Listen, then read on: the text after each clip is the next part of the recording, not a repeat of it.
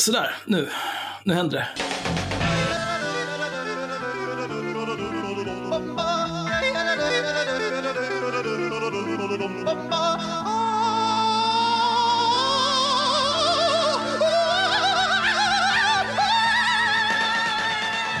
Hej och välkomna till det 32 avsnittet av Haveristerna. Jag heter Axel Myra Myra, Henrik heter Henrik. Klockan är 20.10, söndagen den 4 november. Anno Hitler.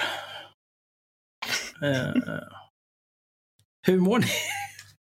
mår ni bra? Jag, jag är trött och bakfull. Jag firade födelsedag igår. Jag är pigg och eh, energisk. Mm. Jag har, ätit, jag har varit på Kina Liv i eh, Skanstull och köpt oerhörda mängder grön och röd szechuanpeppar, olika typer av chili och gjorde riktigt jävla oätlig mat. Gud vad husligt. Inte den oätliga biten, men resten. Ja, det var brann. Ja, sån är jag. Det är det liv jag lever. ja. Jag har ätit pizza i sängen. Ja, ja det är också ett sätt. Mm. Hur mår du Henrik? Jag mår bra. Har du gjort något kul? Ja, jag har varit ute och sprungit. Varit tur och retur en sväng till Uppsala och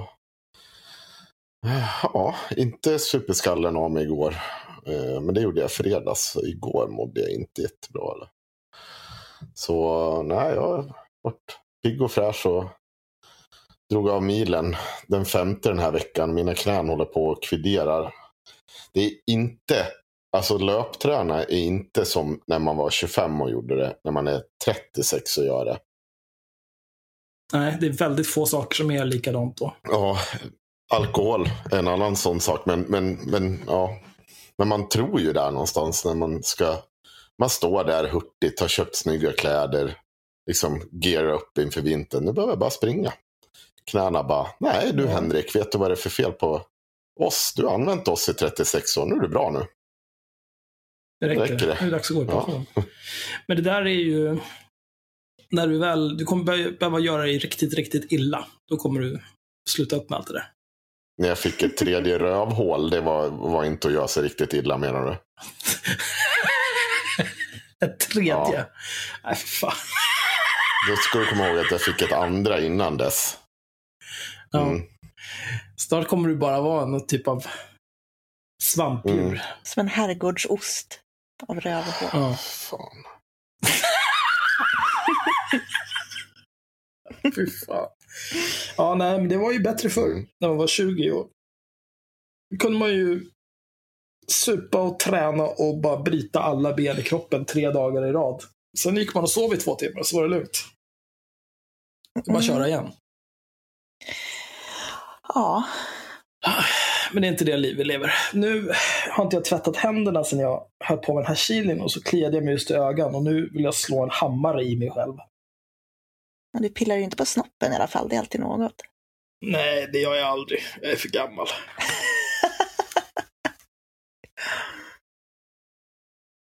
Den där vissna jäveln.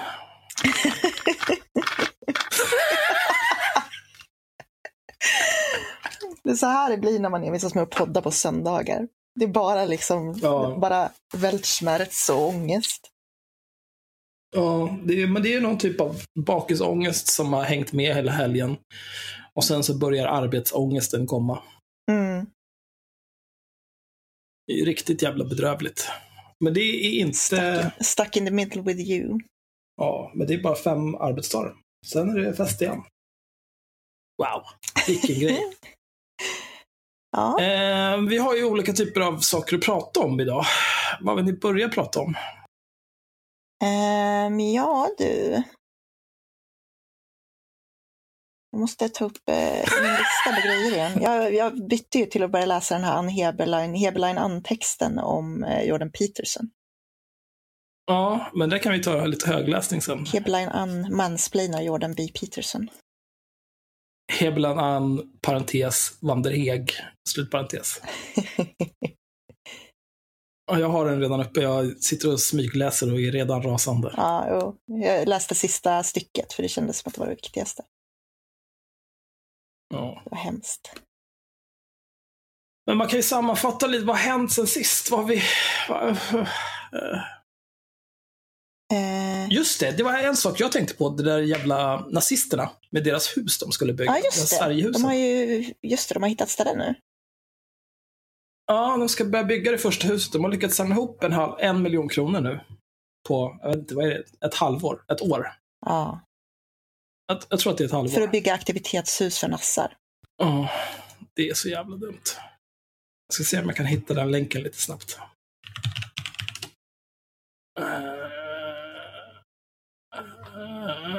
Det märks att det var ett tag sedan vi poddade. Alltså. Jag känner att jag har dålig rutin. Här brukar jag ju sitta här med 30 flikar klara. Ja, Redo att rulla. eh, Svenska judar kräver ökad säkerhet. mm, Mm, rimligt. konstigt. Vi kan ju också prata om eh, årets viktigaste omröstning på Twitter. Alltså. Jaha, ja. Eh, Ja, just det. Vi ska egentligen inte spela in några fler avsnitt. Att du är kränkt. Eftersom, eh, ja, eftersom det är så många rasister som lyssnar på den här podden, Mm. så det har jag ingen lust med. Eh, men jag kan ta upp, kan ju delge lyssnarna resultatet av den här, det här vedervärdiga. jag frågade på Twitter vem som var, ja, de som ser min Twitters favorithaverist. Och slutresultatet blev eh, Henrik fick 14 procent. Jag fick 26 procent. Myra fick 60 procent. Mm. Av totalt 211 röster. Det var ganska många röster. Jag är rasande. Ja. Det är mycket manshat. Så det här är ju sista avsnittet. Det, det kan jag säga på en gång. Mm. Jag tycker det är en rimlig reaktion på den här Eh. typen av, av strukturell rasism. Den här typen av kränkning. Mm. Vi har också fått ny fanart Ja, det har vi fått. Av vägsandlåda på Twitter. Jättefin fanart var det. Som, ja, den eh, knyter an till det här med två tjocka korvar och en enormt snygg tjej som myntades av eh, ett klappträ Mm.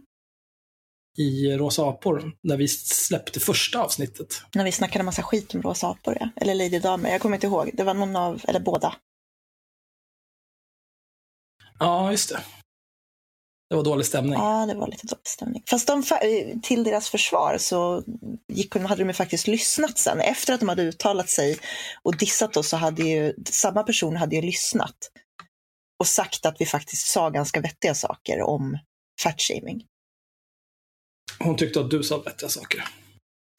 Ja, men, men ni tog inte avstånd från det så jag tror att ni kan ta lite cred. Jag, jag tar avstånd från henne. eh, men eh, det är kul att man kan vara typ någon slags aspirerande ståuppkomiker från Tierp som sitter och är putslustig på internet. Mm. Absolut. Enjoy yourself. Eh, Sen har vi ju, det här kanske är mer någonting vi ska prata om i vårt eventuella specialavsnitt om mansrollen, men att färre män idag kallar sig feminister än vad de gjorde senaste mätningen eh, 2014. Mhm. Det har minskat ganska rejält. Eh, ungefär var fjärde man mellan 30 och 64 år anser sig vara feminist eh, nu då. Och samma mätning 2014 slog andelen runt 45 procent. Eh, Svenska Dagbladet och Nina Åkestam spekulerar om att det här handlar om att män känner att feminismen har blivit mer exkluderande och att det är en stor sorts identitet i en större politisk vänsterorienterad idévärld. Oj. Det känns lite som där Peterson postmodernistisk dödsmarxism. Men det är alla de här jävla ordsalladerna. Mm. Det är inte bra alltså. Även Toivo Sjören, chef för Sifos opinionsundersökningar, pekar på att begreppet feminismen på senare år fått en tydligare vänsterkoppling som en del kan reagera negativt på. Men jag, jag köper inte riktigt den förklaringen i och med att det samtidigt står att fler unga kvinnor kallar sig feminister. Eh, som mest i gruppen 15-29 år. Där har den alltså ökat från runt 60 till 72 procent. Och i just den gruppen av unga kvinnor så är ju den, deras fördelning politiskt är ganska lik eh, landets, landet i stort. Det har en liten större övervikt på vänster, men det är inte så att 72 procent röstar på ett vänsterparti. Nej. Så jag köper inte riktigt det. Men det är väl... Allting handlar om definitioner liksom. Men eh, jag skulle väl kunna säga att jag är feminist, men det är inte viktigt för mig Nej. att, att kalla mig feminist. Liksom. Eh, men det har ju främst med att göra att det finns folk som eh, har en väldigt, en väldigt binär syn på världen. Antingen så är man, om man är feminist, och då vill man eh, klippa kuken av alla män. Eh, alla kvinnor ska jobba och så fort de har fött så ska de kasta ungen på någon typ av dagmamma eller så- och så vidare. Och så vidare. Familjens sönderfall och det är bara konstigt Mm. alltihopa.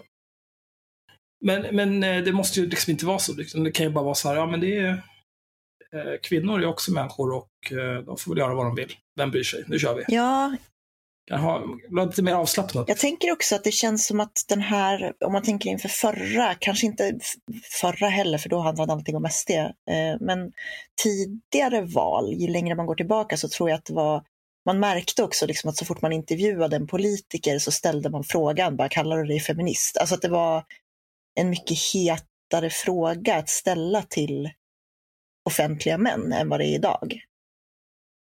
Och att det också kan på, påverka, liksom. Medan man nästan antar att kvinnor är feminister. Vilket ju inte alls är sant såklart, men eh, det är väl kanske troligare. Eller det är bevisligen troligare. Ja, det är, det är väl rimligt. Men i förra valet var det också mycket mer hype kring eh, Feministiskt initiativ. Mm, De, de såg man knappt till i den här valrörelsen tycker jag. nej. Det var lika bra det i och för sig, för det är ett jävla skitparti. Oj! Jag eh, tänker inte säga någonting ont om Fi eftersom de faktiskt låter mig sitta och snacka skit hos dem ibland. Eh, Även Mhm. fast det är problematiskt. Och det tycker jag ändå det, tycker Du är fint. köpt. Det är fint gjort av Nej, jag, får, jag har inte fått något betalt. Jag har fått lite fika typ. Eh, men eh, jag har Du det. med andra ord. Jag har gjort det pro bono för att jag tycker att det är kul att prata jämställdhet och, så, och antinationalism och sådana grejer. Fan, hur, Eh. hur många öl ska du öppna, Henrik? Det här var min öl. Var det din öl? Det här var min Sitter öl. ni med varsin öl du? Det är bara en folköl förvisso. Jag har druckit folköl och läst rysk litteratur idag. När jag inte har sovit bort bakfylla. Mm. Jag tycker att vi kan ha en bokklubb. En bo... Jaha. Vad, vad ska vi läsa för böcker? Jag vet inte, alltså jag har insett att jag läser för få böcker. Så att det skulle hjälpa mig att tvingas läsa böcker lite då och då. Eh, och jag tänker att den här läste Ja. jag för att, eh, för att det är en Nobelprisvinnare. Som har ett efternamn som jag inte ens tänker försöka uttala. Ja, princip så vägrar jag läsa Nobelprisvinnare. Mm. Jag tycker det är... Jaha, här är någon jävla idiot från inre Uzbekistan som har ett namn som inte går att uttala, man har aldrig hört talas om skiten, som har skrivit om sin uppväxt i någon jävla grotta. Fantastiskt. Alla måste läsa. Vem fan bryr sig? Men den här är asbra. Den handlar om livet i ett, eh, ett ryskt fångläger. Jaha. Ja, I Gulag. Ja, ja Det är det. Nice. Eller Kermit-läger, som Rebecca Widmer väl Kermit-läge, ja. skulle kalla det. Eh, men jag läser ju bara science fiction och fantasy för att eh, allt annat gör mig arg. Ja, Eh, så om vi ska ha en bokklubb så måste det vara science fiction eller fantasy. Jag Serie? lyssnar bara på historiepodden nu och har 200 avsnitt kvar. Och jag vill bara veta hur det går i deras Vem är jag? tävling. För jag tycker det är så fantastiskt roligt när han kukar ur den där eh, skötten med Det talfel. värsta värsta Ja, han är så otroligt rolig. För han får så jävla mycket pisk i det där. Och, ja, jag, jag ser fram emot det. Jag lyssnar verkligen. Bara maler avsnitt för att få höra hur det går nästa gång. När han kukar ur för att han tycker den andra har gjort det för svårt. Jo, men han kan ju göra det lika svårt själv. Och det försöker han ju. Det är så jävla uppenbart. Men då tar den andra det ändå. Och så blir han skitsur för att hävda att han har gjort det för snällt. det är så jävla roligt. Ja, det är fan bra. Vi kanske skulle ha en spin-off-podd. Där vi bara pratar om historiepodden. ja lite som bara så här kommentera senaste senaste avsnittet av Historiepodden. Mm. Det är fan bra. Men ska vi ta itu med något riktigt ämne? Här? Ja. Ehm, har, har ni läst om den här SSU-skandalen? Mm. Henrik har gjort det. Vil- vilken av dem? Eh, den i Skåne. Islamisterna? Ja, alltså egentligen handlar det ju typ om vänsterfalangen mot högerfalangen, om man ska vara noga. Mm. Jag har läst lite grann, men jag är inte superinsatt. Kan inte någon av er berätta allt om det? Ja, sossen har väl tolkningsföreträde, så att han kan få berätta. tänker jag. Nej, jag har inte. Nej, det var inte jag som la upp ämne. Jag har inte förberett det. Men han får berätta. Ja, då får du göra det, Myra. Ja, okej. Can you guys help me pick a pin? I don't know if I should go with feminists or freedom. I want to look fabulous. Oh my god, Collie just followed me on Instagram. What hashtag should we use? How about class camp? We need more class camp. First, let's take another weepy. Eh, ja, nej men så här då. Eh, det som jag har fattat det nu, så har det alltså hänt, har det blivit så att i Skåne så är ju partiets största, Skåne är partiets största distrikt. Eh, och sen så är det så att 2013 så bildas det en SSU-klubb i Rosengård. Eh, där partiet är väldigt starkt men det finns ingen ungdomsverksamhet då. Så att den här eh, SSU-klubben i Rosengård blir eh, väldigt framgångsrik och leds då av, eh, av Rizwan Elai. Eh, och sen så blir han ordförande för hela SSU Malmö, för hela SSU Malmö då. Eh, men sen så finns det ju då, det här är ju den mer höger, högerorienterade falangen av SSU Malmö. Eh, och det finns också en vänsterfalang som tyckte att det här Rosengårdsgänget inte gjorde ett bra jobb och så blev det en maktstrid. Eh, och Rosengårdsgänget vill ju bryta liksom den här traditionella vänsterinriktningen som alltid har funnits i SSU Skåne och man har olika ås- åsikter om eh, skolpolitik bland annat eh, och sex timmars arbetsdag och lite sådana saker. Eh, men det är också enligt eh, den här artikeln som jag har läst om det som är väldigt spännande så har det också, handlar det också om kultur, liksom. hur man talar och beter sig. Att vänstergänget är, är, det är väl liksom eh, arketypen av eh, hur, hur man liksom gärna vill säga att vänsterpolitiker är, det vill säga de är vita, de är akademiker och kommer från medelklassen. Medan Rosengårdsgänget är första andra generationens invandrare, eh, har märkeskläder och tycker sig liksom vill förändra, har en mer praktisk och pragmatisk inställning till politik och upplevs också som väldigt macho och höger jämfört med vänstern.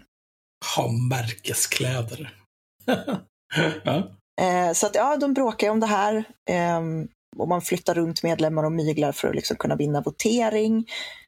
Eh, det blir alltså fysiska hot under en distriktsårskonferens tydligen. man ajournerar hela mötet. För att det finns en promemoria som beskriver att en fråga om justering av röstlängden leder till fysiska hot i lokalen, vilket jag tycker är ganska roligt. Eh, Det är sen så så börjar politik ska vara. Ja, precis. Ehm, och sen så, ja, alltså. Det har ju liksom varit det här inbördeskriget mellan höger och vänsterfalanger, i, i, inte bara SSU utan i sossarna egentligen. Också i stort skulle jag tro. Men eh, högern har ju då, den högerfalangen har ju dominerat Stockholmsregionen. Och eh, så har man då pumpat pengar specifikt till föreningen i Helsingborg som var mer åt höger istället för till exempel föreningen i Malmö som var mer åt vänster. Då. Eh, det finns en så här busshistoria från ett av bråken där helsingborgarna då i hemlighet har avbeställt två bussar som malmöiterna har bokat för att köra ombud till distriktsårskonferensen. Eh, så att då fick de liksom så att malmöiterna fick ju då ringa ett annat bolag som i det här läget bara hade en buss. Så de trängde in 80 personer i en buss och då ringde helsingborgarna polisen på dem och sa att det åkte en överlastad bil på E6. Men vad är det för jävla dagisfasoner? Ja, eller hur? Um, så att, sen har det liksom splittrats det här. Uh, man hade tydligen en vapenvila från 2007 och så splittrades den här högerfalangen i två delar. Och de här tre falangerna har liksom funkat i någon sorts terrorbalans. Um, man har liksom av, man har, man har inte voterat utan man har förhandlat och fördelat makt. Men det finns fortfarande kvar den här latenta konflikten. Så att eh, nu har ju Filip Botström då, som rimligen borde ha koll på det här, men hävdar att han inte haft någon koll på det här nya gänget från Skåne, från Rosengård. Eh, det är ingen som riktigt köper det. Och så, ja, så är det bara allmänt trams och tjafs. Liksom. Eh, det som har blivit nu då, det är att det ska finnas någon sorts islamistisk agenda, misstänker man, bakom det här. Jag vet inte hur pass väl underbyggt det är, eller om det bara är för att det är en falang från Rosengård som man förutsätter att det är islamister. Ja, men det är väl rimligt antagande ändå. Det vore väl inte någon skräll i och för sig. Jag menar, vi har ju liksom, vi har hittat islamister i liksom Centern och Miljöpartiet, så att det är inte så att det skulle vara jätteförvånande eh, om det visade sig. Det var, ju en, var väl en i Moderaterna också? Vad fan hette han? Abdirizak Baberi. Ja, det kanske det var. Han var islamistig. Mm. Men hur, eh, hur va, va, varför går man med i SSU och känner att man vill liksom röra den organisationen åt höger? Är inte det? Finns det inte andra ungdomspartier eller ungdomsförbund som passar bättre då? Kan man bli moderat eller något? Ja, jag förstår inte riktigt heller det. Men, eh, eller liksom, varför går man in? Men jag antar att det är ju liksom, i, i Socialdemokraternas fall så handlar det om att säga att man till exempel är, um, man kanske är mer klassiskt liberal liksom, Åh än nej. moderat. Och då Uff. kanske SS, alltså, det kanske sossarna känns som det största, bästa alternativet på något vis. Jag vet faktiskt inte, Jag jag tycker det är jättekonstigt. Jag skrev senast häromdagen på Aron Flams vägg på Facebook att folk som kallar sig för klassiskt liberala är avskum. Det värsta är de som kallar sig social, eller vad säger jag, liberalkonservativa. Det är de värsta. Jag har aldrig träffat på en vettig Mm. människa som kallar sig liberalkonservativ. De är idioter hela bunten. Ah, Jag ser nu att Aron Flam har unfriendat mig på Facebook. Vad i helvete? Varför hatar han yttrandefrihet? Varför censurerar han mig på det här viset? Varför hatar han demokrati och frihet? Varför är han socialist? Gör ju ingen skillnad. Han postar ju allting publikt och låter vem som helst kommentera ändå, så det, det är ju skitsamma. Jag misstänker att du har varit och bråkat lite för mycket på hans vägg. Det är så det var. Kan Ja, men han var en enorm tönt. Eh, och då talade om för honom att han, jag kan ta det på en gång här. Mm. Eh, Aron Fram postade en, eh, ja, jag vet inte om man ska kalla det en meme, det är en boomer-meme. Från liberalapartiet.se. Fira en socialistisk halloween. 1. Skicka ut ungarna på bus eller godis. 2. Ta därefter hälften av deras godis. 3. Ge det till ungarna som stannade hemma. Då har han bara delat den med hashtag krossa socialismen. Åh, Då, då skrev jag bara Ja, på så vis får ju alla unga godis. Hur skulle en libertariansk, libertariansk eller kapitalistisk halloween se ut? Ungarna knackar på hos folk och blir uppmanade att börja jobba och tjäna sina egna pengar istället för att gå runt och tigga. Uppmaningen är dessutom helt redundant, för så fort dörren stängs ringer den ogine fansnuten och golar ner ungarna för att de tigger. Sen hamnar de i privatägt fängelse på 20 år och får jobba åtta timmar om dagen för mat och uppehälle. Kanske med att paketera IKEA-möbler. För övrigt anser jag att folk som kallar sig klassiskt liberala är avskum. Eh, och då svarade Aron, nej, att klä ut sig och knacka dörr i jobbet. Då kallar jag honom sosse. Och då spår han ur här.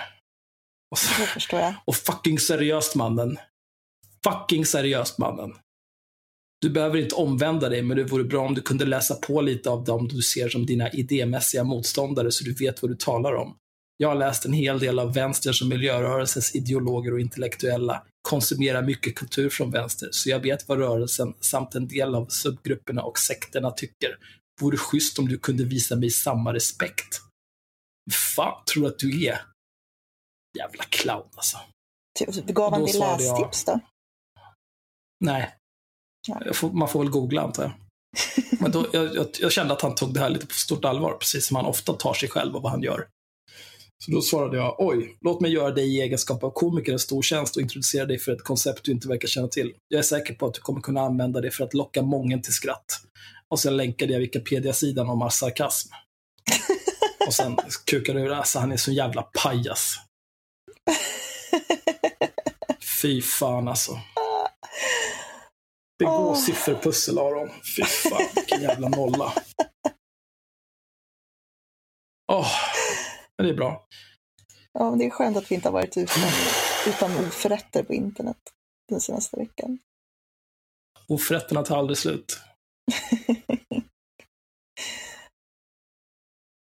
Men eh, det här med SSU. Blev det ett härligt sidospår. Gud vad trevligt. Men eh, vad ska man göra med SSU? Ska vi bara mattbomba SSU eller? Ja, alltså jag, För, eh, jag vill ju egentligen eh, mattbomba hela arbetarrörelsen och bygga upp Oj. den från grunden igen. ja, just, men det har vi pratat om förut. Bara Politiskt här- svedjebruk. Bara, bara liksom taktiskt plocka bort eh, alla, alla broilers och karriärister Ja. och göra arbetarrörelsen stor igen.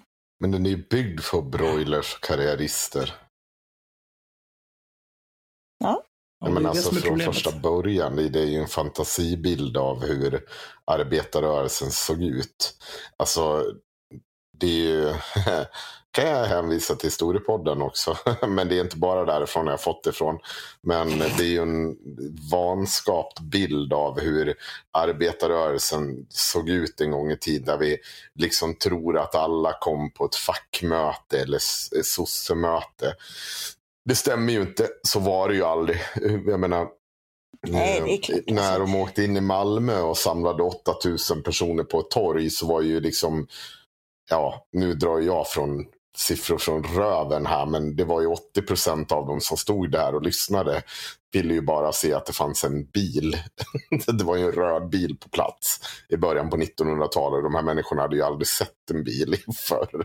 Så att det, det är ju lite smart advertising och så vidare som det gäller. Branting studerar ju på universitet i Uppsala tillsammans med Karl Staff och så vidare och så vidare. Så det var det är ju liksom politiska broilers har ju alltid varit en stor del av rörelsen.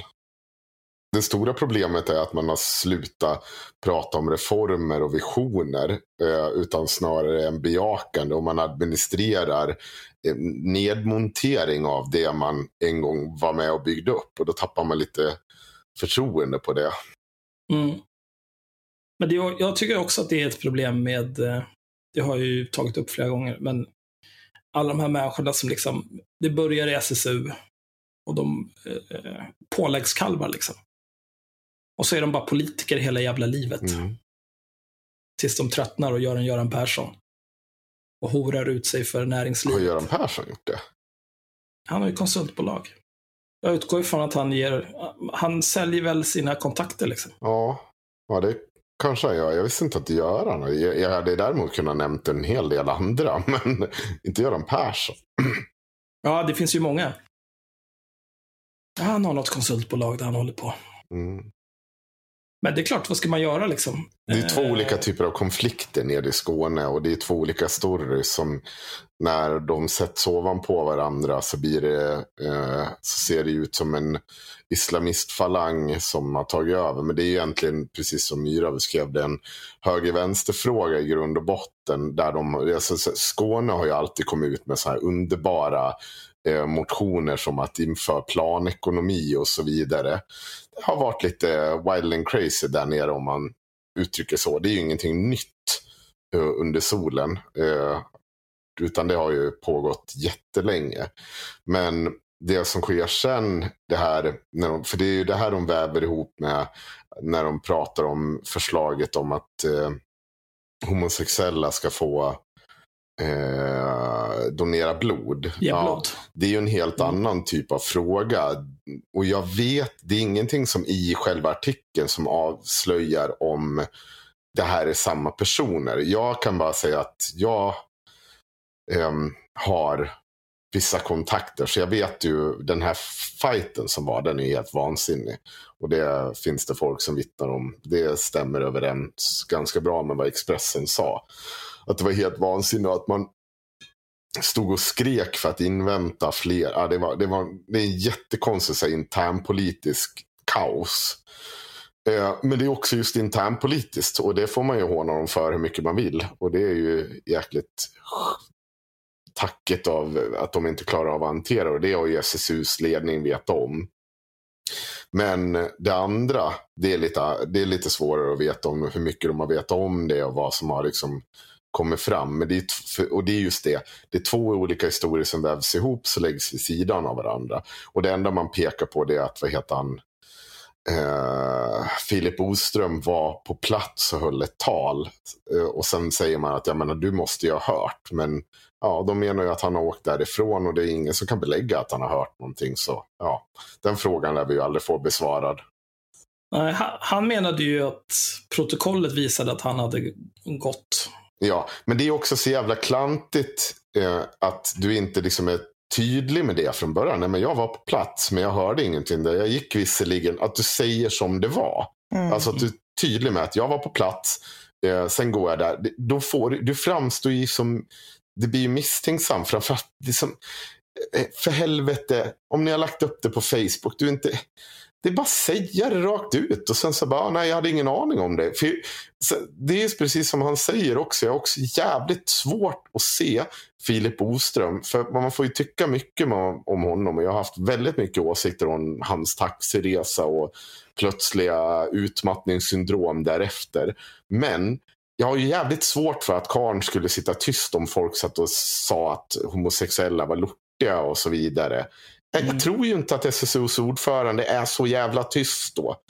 han, är ju också, han är ju också öppet homosexuell själv. Så att... Ja, jo. Nej, men, det var, jo. Men, men även det så här.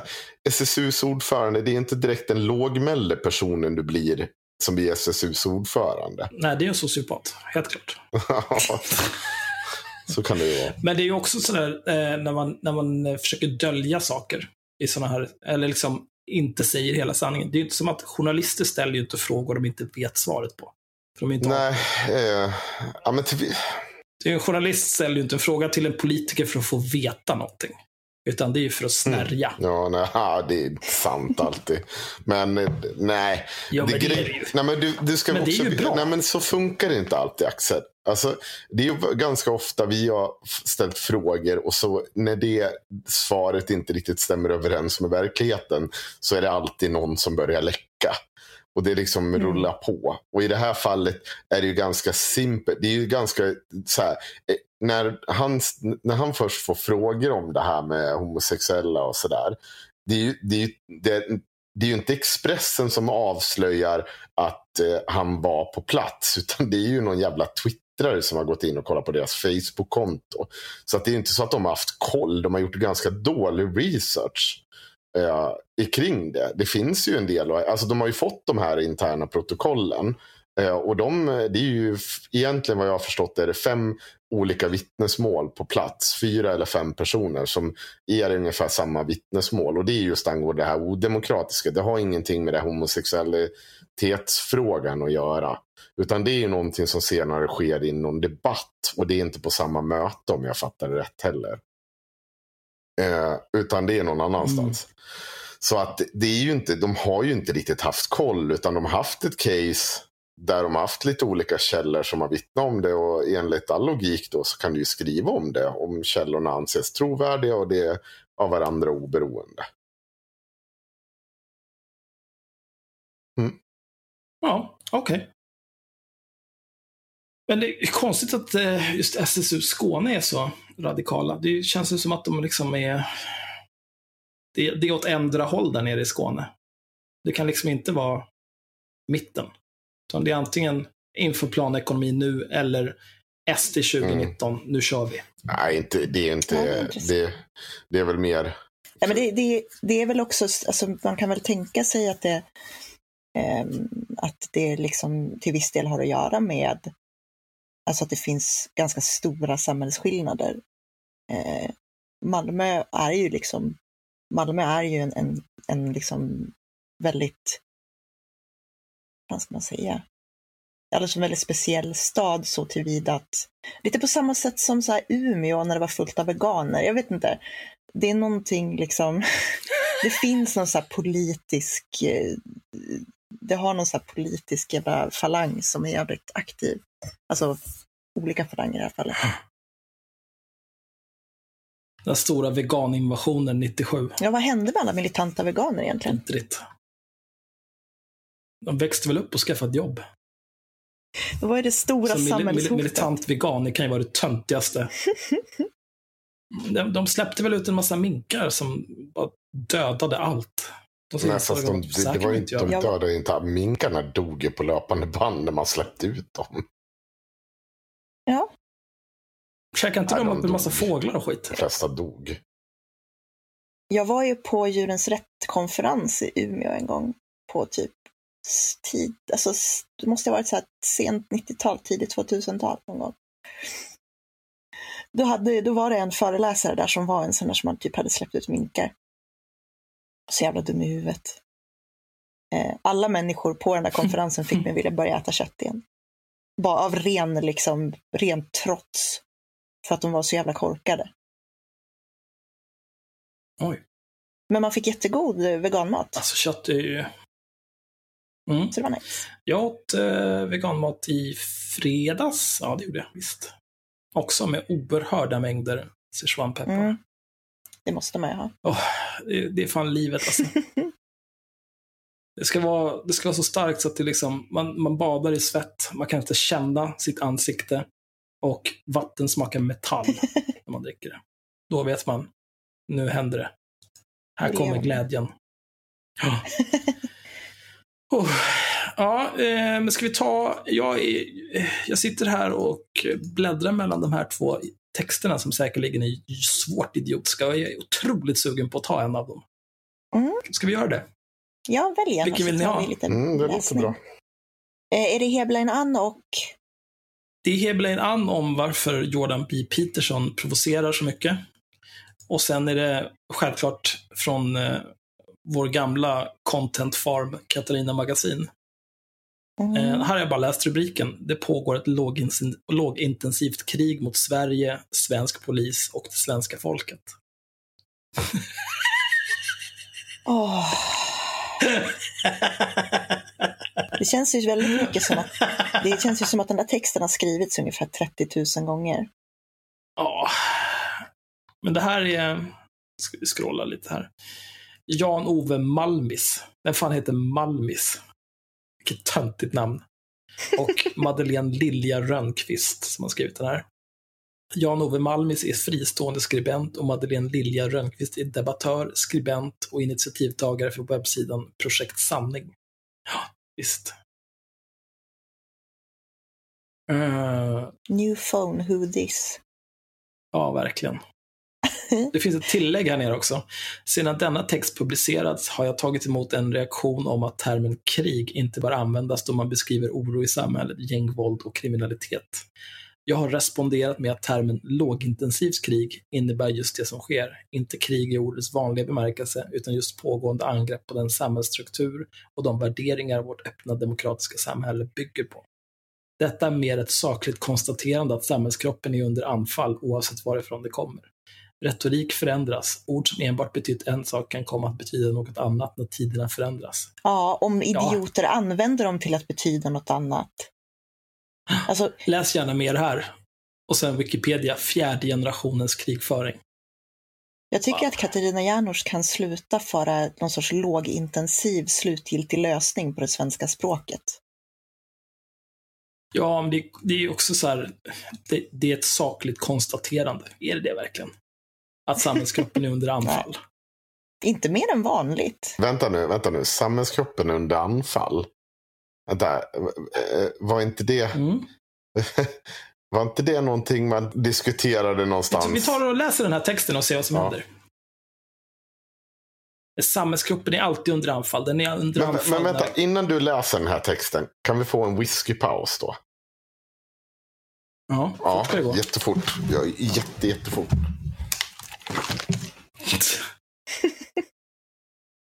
Jävla elefant alltså. Han har ju sprungit så mycket. Ja. Man Man förstår att han får ont i knäna alltså.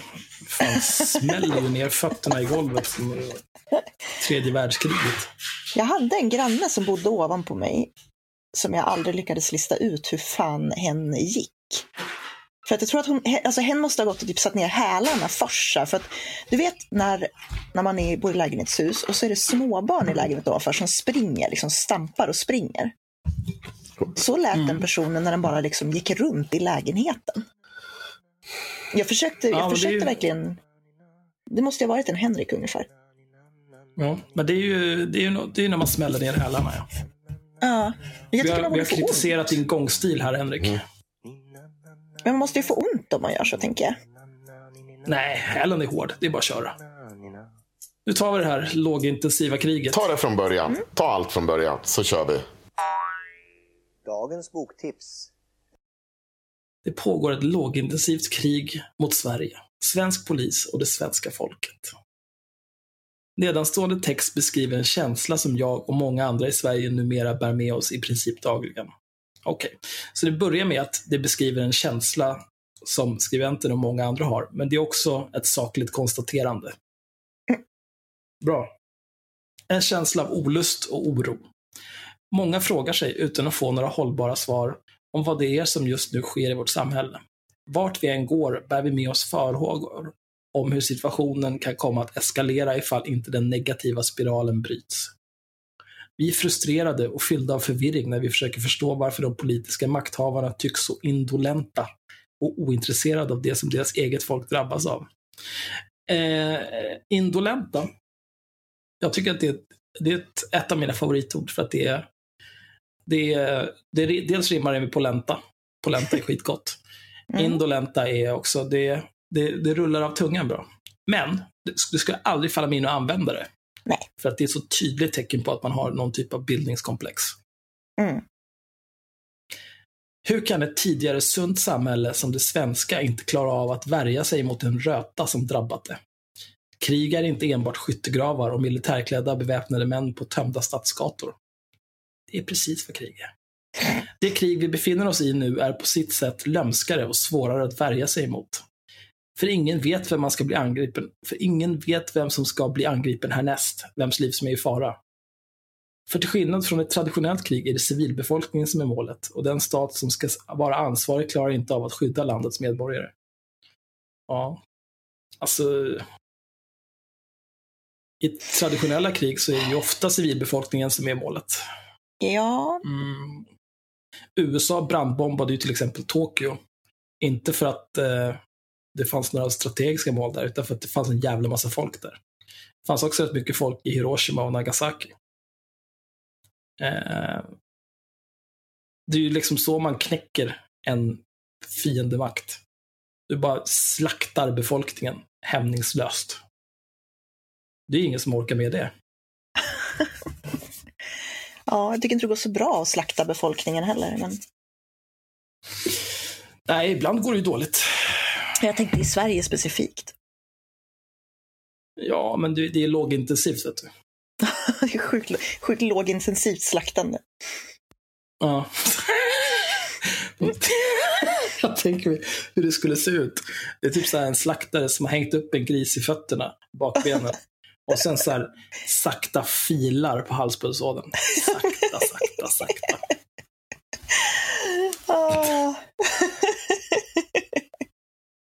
Åh, Åh, gud, det är så dumt. Kan vi prata om det? Det står bortom allt tvivel att det pågår ett lågintensivt krig mot Sverige, svensk polis och svenska folket. I ett lågintensivt krig vill man komma åt polisen, bryta ner rättsvårdande myndigheter samt sätta existerande socialt förtroende ur spel. Samhället bryts på så vis långsamt ner. Reaktionerna från våra politiker kring dessa frågor är knappa. Det beror säkert på att man betraktar dem som abstrakta. Det är därför man inte bjuder in till extrainsatta förhandlingar, krismöten eller pratar om krisberedskap. Det första tecknet kring att man möjligen börjar tänka i liknande banor fick vi via broschyren Om krisen och kriget kommer. Där tillhandahålls information om hur vi ska förbereda oss på händelser som allvarligt påverkar vårt samhälle och som ytterst kan hota vårt lands frihet och självständighet. Förutom broschyren har vi inte sett varken lagändringar eller insatser av större art. Tvärtom. Istället har beslut fattats som ytterligare försvagat förtroendet för det samhälle vi lever i. Bryr man sig inte? Eller förstår man inte att landet redan är under belägring? Uh, Jaha. Det är uh, väldigt intetsägande. Det, det här känns mer som så här dels den här tron att alla är som jag, alla delar mina vanföreställningar, alla andra har insett den här stora sanningen. Mm. Men, men samtidigt också, ingen annan än jag vet vad som faktiskt händer. Vakna! Det är en väldigt konstig blandning av, jag vet inte, vad ska man säga, ställningstaganden. Grejen är att precis den här retoriken, den här liksom vi är under belägring av invandrare, det är ju, det är ju fascistretorik. Liksom. Hon sysslar med. Ja, Hon är inte den Ja, det- enda som gör det, men Det är ju inte Katarina som har skrivit den här texten. nej. Det är right up her alley. det är två andra Jon. Mm. Mm. 2017. En villa besköts i området Hagaberg i Västerås. Det rörde sig om ett mordförsök på en polis och dennes familj. Mordförsöket var kulmen på en rad attacker under 2017.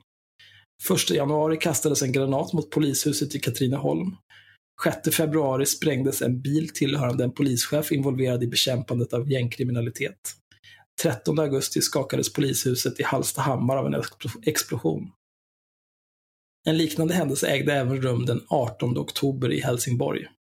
Den 12 september utsattes en fru till en polis för ett kidnappningsförsök. Ja, det är många händelser staplade på varandra här. Det var kolossalt intressant. Mm, det, jag tänkte om börja med det där i Västerås. Det där var ju Leif GW oerhört irriterad över att eh, vad heter han, polischefen hade gått ut och sagt att det var en attack på Sveriges poliser.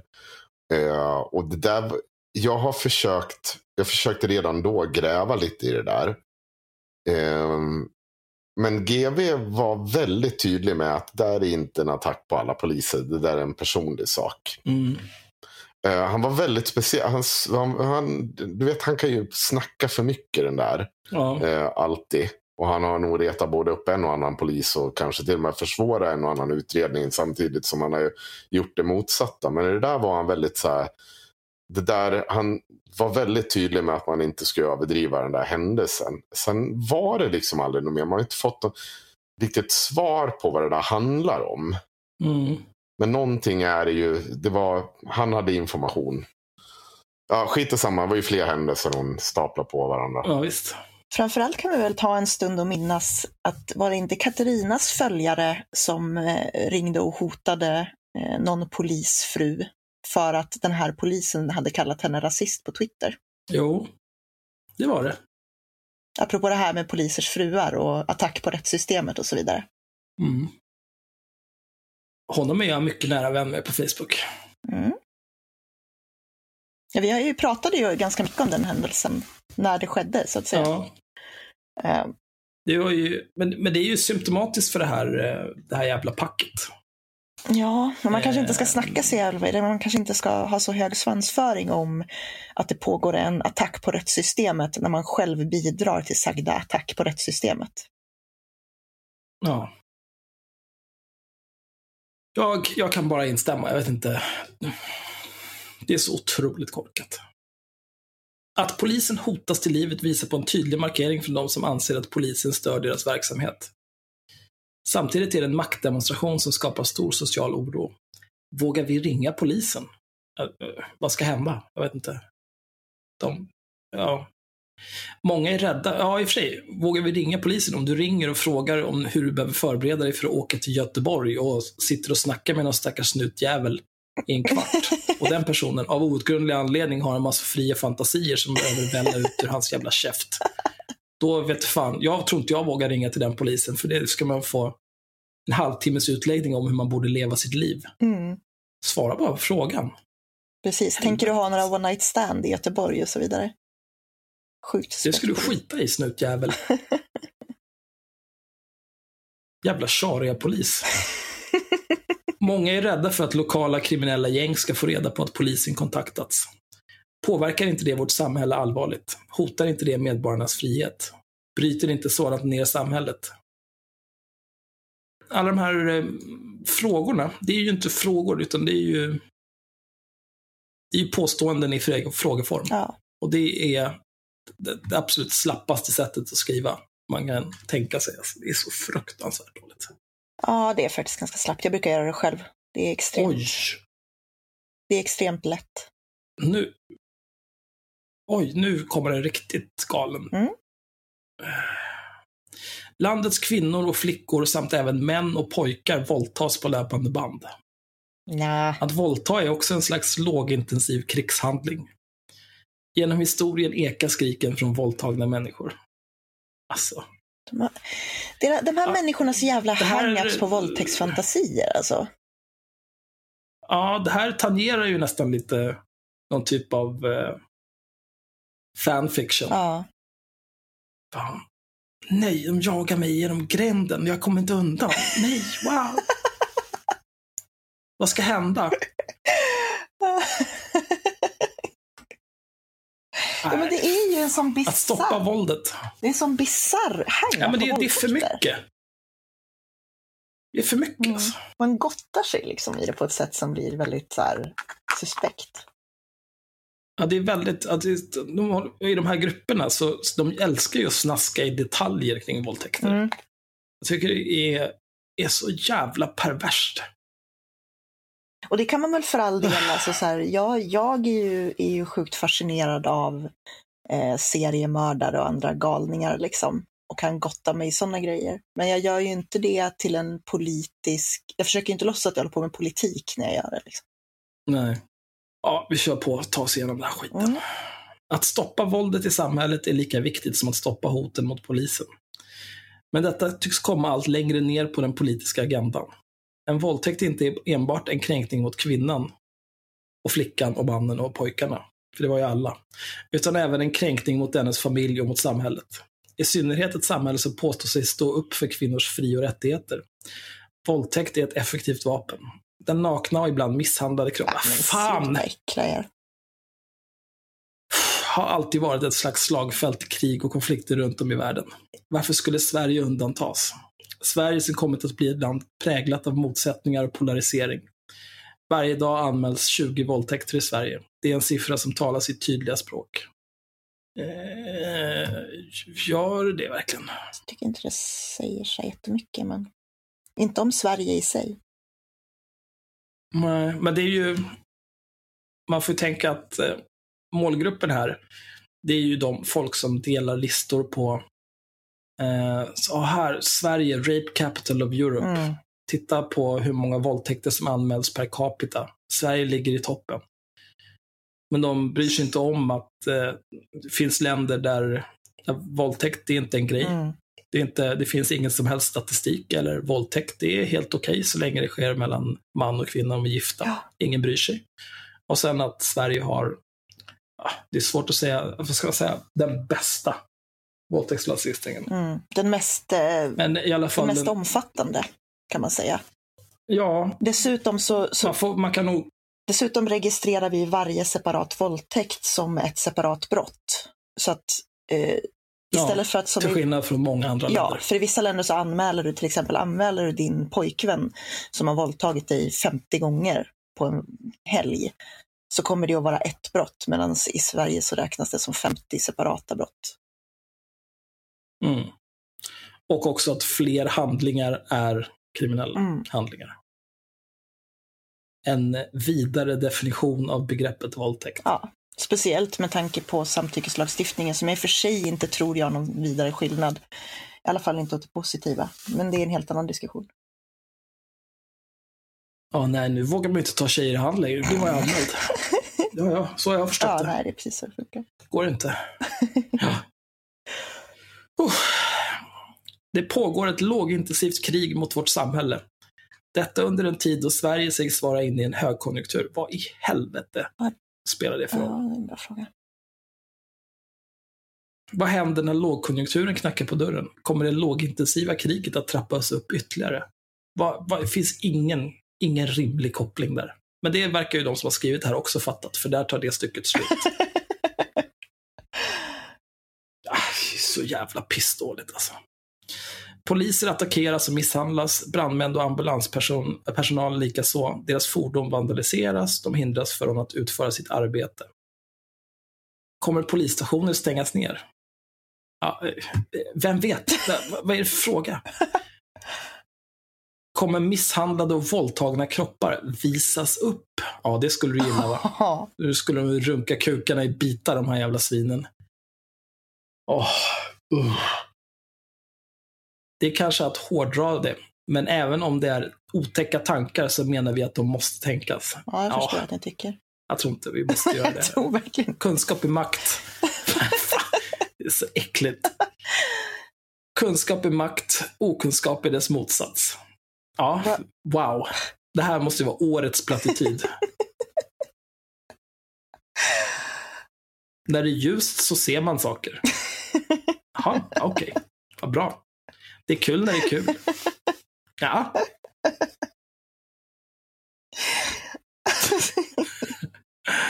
Nej, men det fortsätter. Att ligga ett steg före är att inte ligga ett steg Nej, du Kom skojar. igen alltså.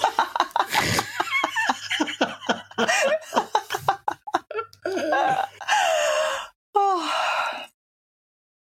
Åh, att vara, tänka och reagera proaktivt innebär att man tvingar sig själv att tänka och nämna det otänkbara. Vi är inte långt borta från det otänkbara. Herregud, vilken jävla ordsallad alltså. Ja, men nu är vi inne på 2018. Eh, attentat mot polishus. Den 17 januari detonerar någon form av sprängladdning utanför polishuset i Rosengård i Malmö. Explosionen lämnade en krater på parkeringen och skador på polishusets fasad och närliggande fordon. Den 22 september utsattes polisstationen i Gävle för ett attentat. När en bil åker in i garaget kastades en tårgasgranat in. En man i 35-årsåldern grips i närheten av polishuset och blir senare anhållen av åklagare. Eh, men det här är ju samma, mer av samma skit bara. Bara saplar händelser på varandra utan någon, någon typ av kontext eller, eller den kontext de försöker måla upp är ju det här lågintensiva kriget, men det är ju det är ju bara fabuleringar. Mm. Angreppen som sker i och mot vårt samhälle måste bemötas med kraft, inte med broschyrer som beskriver en eventuellt kommande kris som dessutom redan är här. Räcker det verkligen att Morgan Johansson kallar det för ett avskyvärt angrepp på rättsväsendet eller att Ulf Kristersson ser attackerna mot vår polis som ett angrepp mot vår rättsordning och mot statens allra mest grundläggande funktioner? Förstår man ens allvaret? Och hur påverkas ett samhälle där våldtäkter mer eller mindre ses mellan fingrarna lite som collateral damage. Stor bokstav i både collateral och damage. Mhm. Eh, Ja. Det finns inget i dagsläget som tyder på att utvecklingen är på väg att vända. Ja, fy fan alltså. 2018, bilbränder, samtliga anlagda. Natten mellan den 13 och 14 augusti härjade nästan 90 anlagda, bilbrä- anlagda bilbränder i Göteborg, Trollhättan, Lysekil, Stockholm och Uppsala. Samma natt rapporterades om ytterligare fyra bilbränder i Helsingborg. Den 31 augusti rapporterades om ett 20-tal bilar som förstörts eller skadats i bränder på flera orter i södra Sverige. Den 3 september brann totalt 13 bilar på fem olika platser i Västerås. Den 9 september brann bilar på fem platser i Skåne. Totalt förstördes ett tiotal bilar. Den 10 september brann två bilar och en tredje uppgavs vara brandskadad när polisen larmats till misstänkt anlagda bilbränder i Munkfors. Bara som en, en liten passus här. Tidigare när de staplade eh, datum efter varandra Mm. som här, en liknande händelse ägde även rum den 18 oktober i Helsingborg. Då 18 oktober, då skriver de 18, Mhm. inte 18 kolon E eller liknande, utan 18. Nu, nu, nu känner jag att de började tröttna lite grann här när de skrev den här texten. Hela den här med bilbränderna, då är det inte liksom 13 och 14 augusti, utan då är det natten mellan den 13 och 14 augusti med siffror. Så de har lite grann, kan liksom inte hålla stilen. Det Jag tror inte att de har så mycket liksom. korrläsning på Katarina Magasin. Nej, det har vi ju märkt tidigare. Mm. Ja, det är massa anlagda bilbränder i alla fall. Wow, wow, wow. Efter varje attack mot polis, polishus ropar folket på partiledarna om fler poliser som då lovar mer resurser trots att de, precis som vi, är fullt medvetna om att utbildningsplatserna på våra polishögskolor gapar tomma och att erfarna poliser fortsätter att lämna yrket. Polisen är utmanad och utarmad. Det förtroende vi en gång hade för vårt rättsvårdande, våra rättsvårdande instanser är inte vad de en gång brukade vara. Det är ett allvarligt problem som i allmänhet fångats upp av de som inte tror på det fria samhället, den fria kvinnan och fria ordet. Och i synnerhet fångas upp av de kriminella. Hopp. Jag, jag tycker inte att eh, det här betyder någonting. Att de här personerna inte har förtroende för snuten känns som att det borde stå för dem. Ja. Eh, jag har i och för sig inte heller något vidare förtroende för eh, vår, våra rättsvårdande instanser. Men det är ju på grund av att jag har blivit utsatt för ett justitiemord. Nej, men alltså det, är ju, det här är ju, den här retoriken är precis lika dum oavsett om den kommer från så här AKAB-nötter eller från Sverigevänner. Um, därför att polisen är ju, det är ganska många individer i polisen. Uh, Hur många poliser har vi? 19 000? Ja, och liksom att börja prata om att, att rättsväsendet, jag menar Cissi Wallin satt ju och sa att vi inte hade ett rättssystem utan ett felsystem när hon pratade om metoo till exempel. Eh, och beredd det är med. den typen av skit och den här sortens eh, kobajs till jävla artiklar som undergräver deras auktoritet och deras förtroende. De här människorna Ja. är ju en del av problemet. Ja, absolut. Men de är ju... De har ju intagit en väldigt konstig position. För att dels så utger de sig ju för att vara på polisens sida och vi behöver fler poliser som ska styra upp det här. Det ska vara ordning och reda, liksom. Katederundervisning. Mm. Men samtidigt så säger polisen kan inte göra någonting. De är helt maktlösa. Det går inget, ingenting fungerar, allting bara skräp. Mm. Ja, och det är liksom, jag vet inte, jag, jag har svårt att få ihop de två påståendena till någonting eh, rimligt. Någonting som kan samexistera. Liksom. Ja, alltså det är ju liksom inga lös... Det finns ju ingen... ingen, ingen det är ju, vi kan ju gissa oss till vad de ser för lösning på det här. Eh, förmodligen. Men annars så framkommer det ju inte... De, de, de identifierar ju, vilket är sant, att så här, vi behöver fler poliser till exempel. Mm, Liksom, det har inte, vi måste få in fler personer på polishögskolor och sådär. Mm. Tror du att det är lättare eller svårare att få in mm, saker på, få in folk på polishögskolan när det sitter sådana här idioter och skriver artiklar och listar allting hemskt som poliser utsätts för i de värsta mardrömsfallen? Ja, det blir nog inte lättare. Nej. Men å andra sidan, de som eh, den här texten riktar sig mot, alltså Katarinas målgrupp, jag tror inte att de är lämpliga som poliser från början. Nej, det är sant. Jag tror att det är sådana som sållas bort de första dagarna. man, man hoppas ju i alla fall det. Mm. Ehm, Nej, det finns säkert många poliser som är helt brända i huvudet. ja, men den, förutom Peter Springare eh, så är väl det närmsta samröre man vi vet att Katarina har haft med någon polis överhuvudtaget är ju, förutom den här anonyma polisen då som inte vill uppge sitt namn, Mm. eh, är ju när hon fick sina följare att hota en polis som hade kallat henne rasist. Mm. Nej, han, han, Smuts var det väl? Nej, eller jo det kanske det var. Ja, jag tror inte att han kallade henne rasist. Men eh, så får man inte säga längre i det här landet. Han ska Nej. vara tacksam för att han inte blev dömd för olaga hot. Ja, sen kommer en till, eh, ett till stycke här om eh, olika typer av explosioner. Jag orkar inte läsa det för det är bara en massa mer jävla datum och skit. Eh, sen sista stycket. Dessa incidenter är bara ett axplock av alla de attacker som de senaste månaderna skett i ett tidigare fredligt Sverige. Den brännande frågan är hur utvecklingen ska vändas. 50 dagar efter valet är utsikterna för en ny regering små och att den inslagna politiska vägen ska ändras förefaller föga troligt. Hur situationen kommer att utveckla sig är i dagsläget oklart, men att landet befinner sig vid ett vägskäl står bortom allt rimligt tvivel.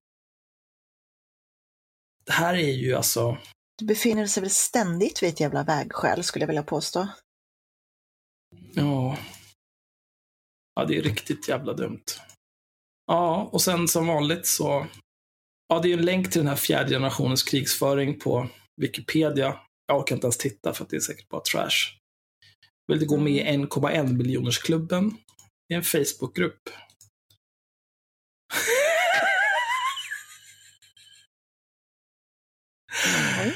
Ja, här är description för den då. Den här skapades 25 september 2018 och har i dagsläget 28 470 medlemmar. Um, Katarina Janouch är admin tillsammans med ja, två andra skåp. Minst 1,1 miljoner människor i Sverige har idag omyndigförklarats och mobbas nu ut på officiellt sätt av de som betraktar sig som det moraliskt överlägsna etablissemanget. Tusen spänn på att Katarina har skrivit den här beskrivningen. 1,1 miljoner människor stämplas som nazister, fascister eller högerextrema och främlingsfientliga. 1,1 miljoner människor i Sverige är inte välkomna på arbetsplatser, i fackligt arbete, i föreningsliv, på fester och middagar, kanske inte ens i sina familjer och relationer. 1,1 miljoner människor fortsätter att brännmärkas och pekas ut, trakasseras och stämplas som mindre värda. 1,1 miljoner medborgare kallas oanständiga och obildade av stora mediala aktörer. De anklagas för att vilja införa fascism och diktatur. Herregud. 1,1 är du, jag, alla vi. Kvinnor, män, han, hon, hen, mammor och pappor, söner och döttrar. Röstade hon på Sverigedemokraterna? Man kan lätt få det intrycket. Var inte hon liksom riksdagskandidat för medborgerlig Ja, men hon var oberoende riksdagskandidat. Hon, hon var ju politisk vilde innan hon hade blivit invald. Det sa hon ju själv. Ja, det här är i alla fall eh, en skräpgrupp. Full, full av eh, genskräp. Ja. Som lever i en total fantasivärld. Mm. Jag, eh, jag, jag har funderat lite grann på de här människorna. Och jag undrar, liksom, är det här människor som det här måste ju vara deras politiska uppvaknande. Ni vet så här när typ 15-åringar upptäcker politik och tror att de vet precis allting, fast de inte förstår grundläggande koncept överhuvudtaget. Mm. Och sen är de jättehögljudda på grund av Dunning-Kruger. För att de, de, tycker att de har sett någonting som ingen annan har sett och så är de skitjobbiga. Men 16-åringar växer ju ifrån det här för att de slutar vara hormonella och jobbiga och liksom blir tvungna att plugga och skaffa ett jobb och sådär. Det här är precis samma sak. Bara att det här är boomers som aldrig har förstått sig på politik. Som plötsligt typ får sociala medier och tycker att de, så oj jävlar, nu är jag politiskt upplyst. Fast de mm. förstår liksom inte hur saker som regeringsbildning fungerar. De förstår inte ju... att så här, det, är inte, det är inte diskriminering av dem att, att inte ditt parti får sitta i regering. Men det är ju problemet, det är ju problemet med internet. Att mm. Förut liksom, folk som var galna och bara så dumma huvudet och uh, styrdes av fria fantasier. De fick mm. liksom sitta hemma och klösa på väggarna för att somna för att kackerlackorna i väggarna skulle vara tyst. Liksom. Och gräshoppor mm. och allt vad det är för konstigt. De, uh, olika vanföreställningar. Men de var ensamma. Och de, vad de visste så var de ensamma i världen om att vara så där dumma i huvudet och galna. Men på internet, då finns det grupper som 1,1 miljoner. Där de, eh, ja, kan vi samlas här? Och så blir det en, en ny, nya ekokammare dag ut och dag in. Och så sitter de där och bara triggar varandra och blir mer och mer sjuka i huvudet. Mm. Och det är ju givetvis inget som är unikt för pajashögen. Nej, absolut inte. Det finns ju gott, gott om sånt där skit på vänsterkanten också. Och det är ju folk som egentligen inte borde ha rösträtt bara. Det är så det är. Om inte, alltså, åtminstone så borde de väl tvingas läsa någon sorts grundläggande samhällskunskap och historia. Det skulle ju vara jävligt fint. Ja, men vi har ju ändå vi har ju nio år grundskola och sen tre år gymnasium. Det var ju typ 50 år sedan de gjorde det där. De är, ja. ju, de är ju boomers hela bunten. Eller så är de ungar som har skolkat sig igenom samhällskunskapen möjligen. Jag ska inte diskriminera. Nej, det är sant. Vi måste bejaka vårt klassförakt också. Mm. ja, det var det här avsnittets Katarina Magasin. Mm. Och som vanligt så kan man ju swisha Katarina eller bli Patreon. Ja, och man kan sätta in pengar på hennes konto i SE-banken. Och det går mm. självklart att göra internationella betalningar. Apropå hennes Patreon så är det det är någon som degar 100 dollar i månaden till Katarina Anders. Det är... Vi måste höja skatterna. Det här går inte. Nej, folk ska inte ha så här mycket pengar och kasta på massa skit. Men vi kan inte höja skatterna för att jag betalar alldeles för mycket skatt redan. Vi måste sänka skatterna. Jag tycker vi ska sänka skatten för alla som jobbar med IT. Ja, du ska ju bli egenföretagare så att... Nej, jag vet inte. Jag kanske ska bli anställd istället. Mm. Eller fortsätta vara anställd, jag vet inte. Vi får se. Ja. Mm. Men det viktiga är att jag ska byta arbetsgivare och med en ny arbetsgivare kommer en ny löneförhandling. Det är den som spelar roll. Mm. Alltså folk som, eh, det finns ingen som är mer lurad än den som har samma arbetsgivare genom hela livet. Herregud vad knullad du är. Nej, byta arbetsgivare var tredje år. Kör bara. Då hinner man inte tröttna på folk heller, det är ju en fördel. Nej, och sen liksom, visst, man kan ju, man kan ju ta en ny, en ny tjänst inom samma företag. Det går ju också. Då får man ju göra nya grejer så man inte ruttnar helt i huvudet. Mm. Eh, och man kommer troligtvis tjäna mer pengar om man inte gör någon typ av side grade. Men vad ska det vara bra för? Ja, nej, det är så man vinner i det kapitalistiska hamsterhjulet. Mm. Om, om allting blir som jag vill så kommer jag betala, börja betala, eh, vad fan heter det? Statligt grundad inkomstskatt. Mm. Det gör mig så jävla arg. Det vill jag verkligen inte betala. Ingen gillar att betala skatt. Säger man att man gillar att betala skatt, då ljuger man. Då ljuger man ja. Däremot så kan man ju vilja göra det ändå, för att det är det enda sättet att bygga ett vettigt samhälle. Liksom. Men det är inte coolt och Ja. sexigt att betala skatt som vissa försöker hävda. Nej, det är det absolut inte. Det är ju liksom, jag vill inte betala för den där jävla ambulanshelikoptern. Men eh, jag vill att den ska komma och hämta mig om jag behöver den. Mm. Så då betalar jag för den. Så var det. De kanske till och med ska hämta andra om de behöver. Ja, om de tvunget måste göra det. Men det bästa är om den står i standby och får vänta på att jag behöver den. Varför skulle du behöva den? Du är ju, det är ju tät. Ja, men, nej, man får väl ha en priolista över vem som har betalat mest skatt. Det är väl rättvist. Ja. Men vadå, det är ju... En gång i tiden så var vi en av de få vettiga vänsterpoddarna i Sverige. Se nu vad som har hänt. Så här blev det när du började med bitcoin, Axel. Det är inte ens... Eh, bitcoin är ju inte ens en grej längre. Det är ju bara... Det är ju bara misär. Jag, men, jag ska fan kolla. Jag har inte kollat på flera veckor hur det går. Så eventuellt kommer jag kasta micken ut genom fönstret nu. Ja, men det ser bra ut. Perfekt. Så gör vi. Jävla nötter. Hatar, hatar alla jävla... Privatambulans snart, eller? Ja, det får ju bli allting privat alltså. Jag ska flytta till Malta. Nej, jag kan inte nu. Sofia Arkestål har ju också unfriendat mig, så nu har jag inte ens en mycket nära vän på Facebook på Malta. Kan jag inte åka dit. Nej, du blir stoppad direkt. För jävligt. Man kan säkert dega sig in på Malta. Det kan man nog. Du får väl starta typ ett spelbolag. De gillar ju Malta. Nej, nej men man får ha någon typ av... Alltså jag gillar ju pengar. Eh, Men man får ju ändå ha någon typ av... Någon typ av moral får man ju ha. Så det är så här, om jag startade ett spelbolag, Mm. då skulle jag inte bli eh, förvånad eller hysa agg för att någon försökte mörda mig. Eh, Det, det, det är ju rimligt ändå. Åh, vad har vi mer då? Vad har vi mer för spännande? Ja, Bert Karlsson har ju sagt dumma saker om...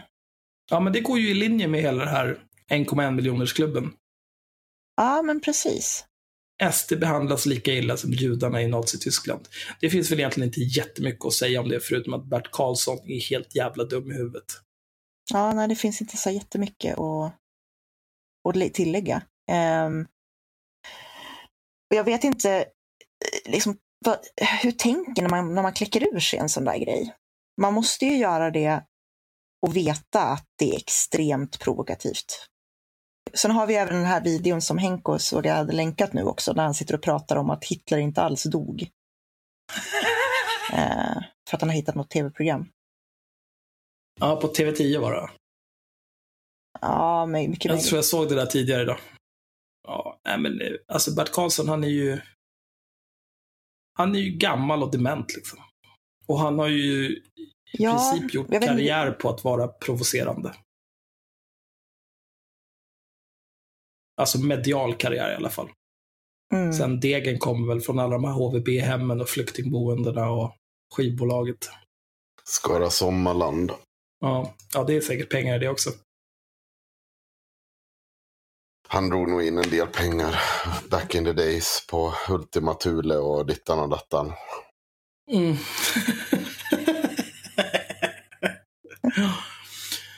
ja, men eh, det kanske är din tur att låta lite nu, Henrik.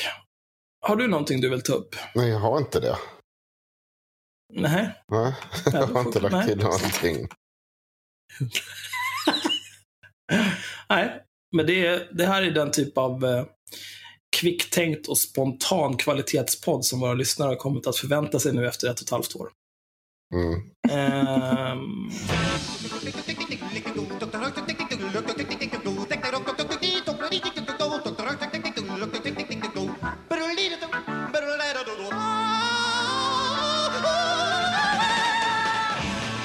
Eh,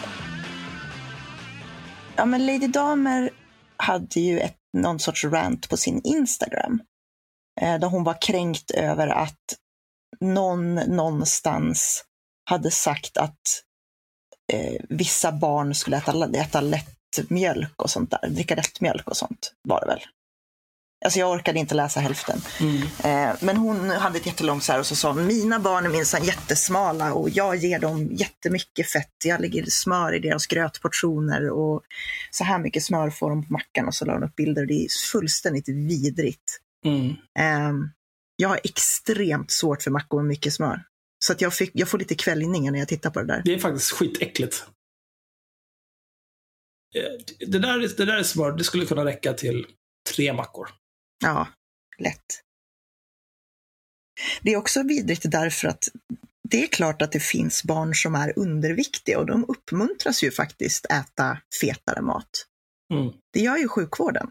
Kommer du dit med en unge som är under viktkurvan, då kommer de säga så här, ja men ge dem mer liksom, fetare mjölk och ha grädde i, fan vet jag, frukostflingorna och sådär.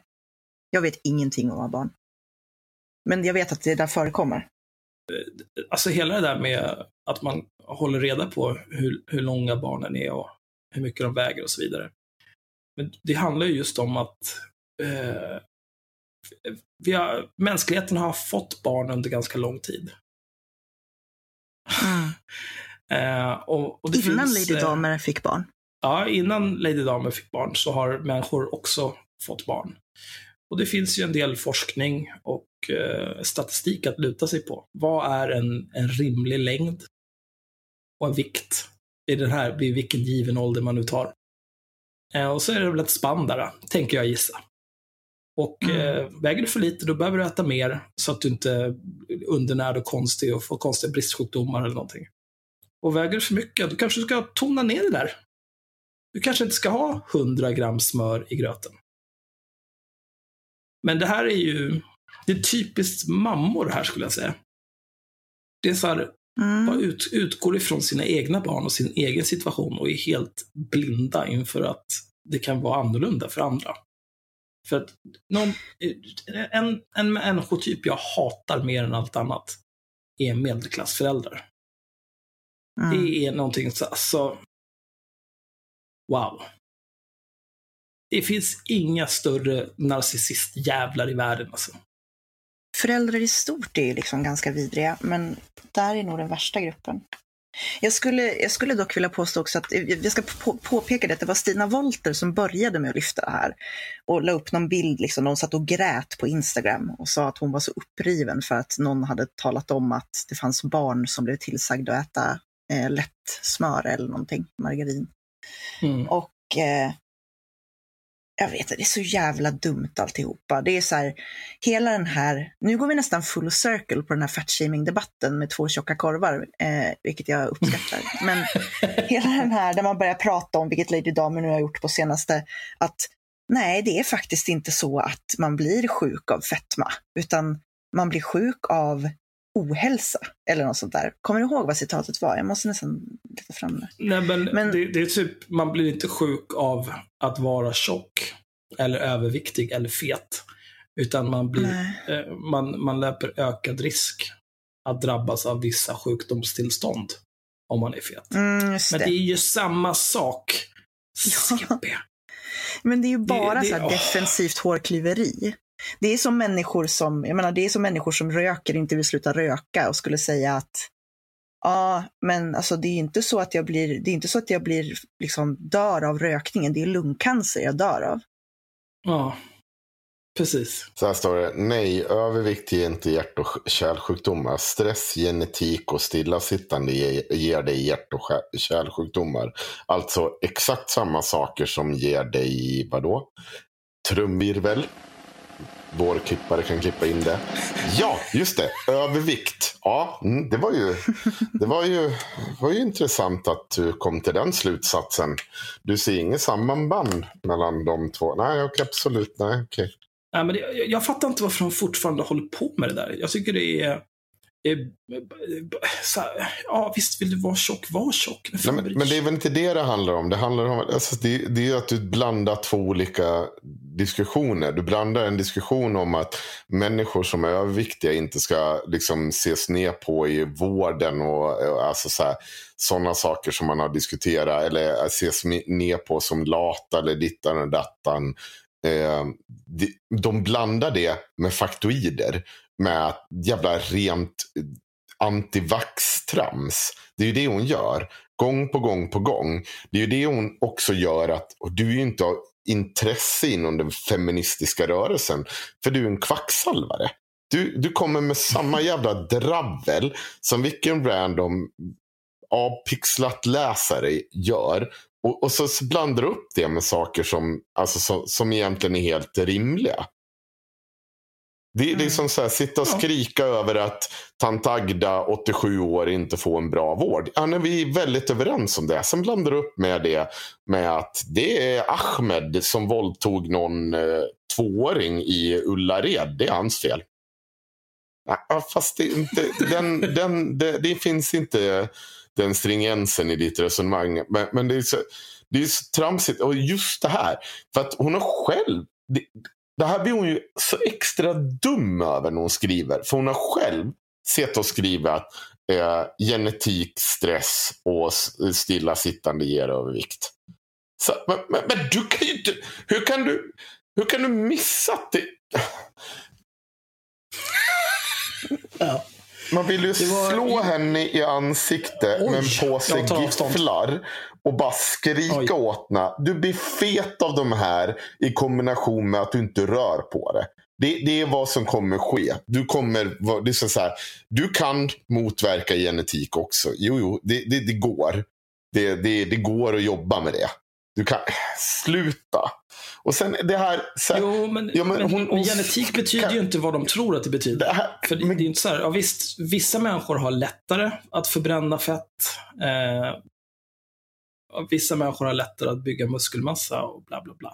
Men alla kan bygga muskelmassa. Alla kan förbränna fett. Det handlar bara om hur jobbigt är det. Ja, eh, och framförallt hon la upp en bild på när hon la smör i gröten. Jag var tvungen att fråga runt om det här var en sak bland människor. Och tydligen är det en sak bland vissa människor. Men ursäkta, sluta vara äcklig.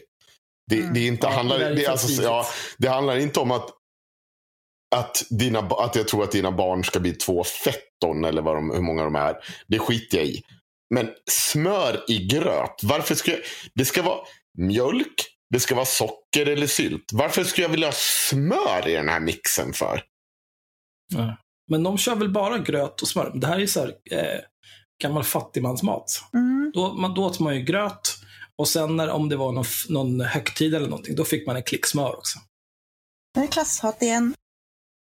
Jag tror inte att det är klasshat. Jag tror att det är bara normalt.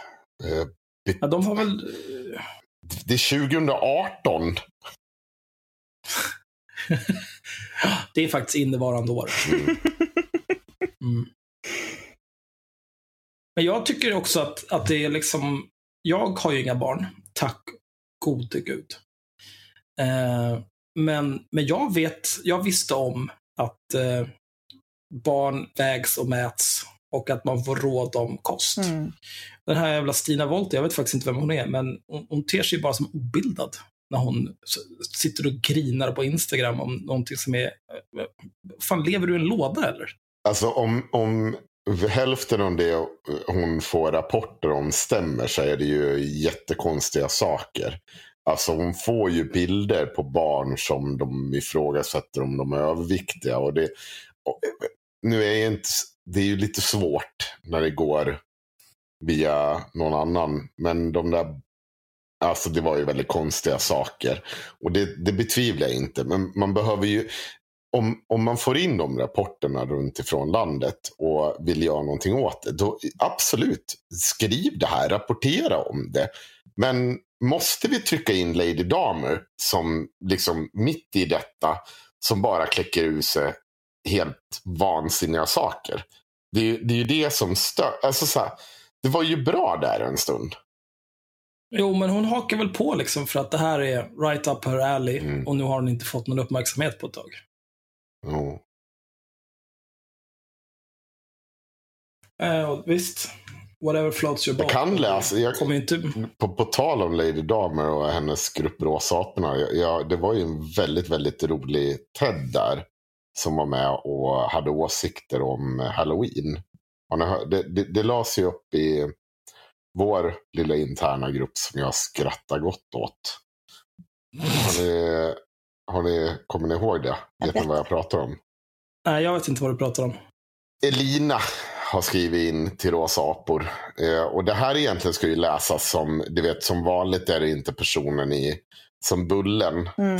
samtal. För det är ju lite, Rosa aporna är ju Bullen 2018. För nu kommer du förstöra för mig. Jag har ju precis blivit insläppt igen. Ja, okej. Och ska du hålla Men på det är, inte, det högläsning? är inte du som har googlat ner det. Utan Nej, det är, jag skulle det är någon annan som har googlat ner det. Men i alla Någon fall, annan av de ja. 30 000 medlemmar. Ja, precis. Är det fler som funderat över hur västvärlden skulle se på halloween ifall det varit en muslimsk tradition? Jag känner att allt, att allt amerikaniserande sväljs med hull och hår och att det skulle ses på annorlunda om det var muslimer som klädde ut sig till monster och mördare och pyntade med kranien inom kroppsdelar och gav, sig ut, eh, gav, eh, gav bus, ut bus till grannarna.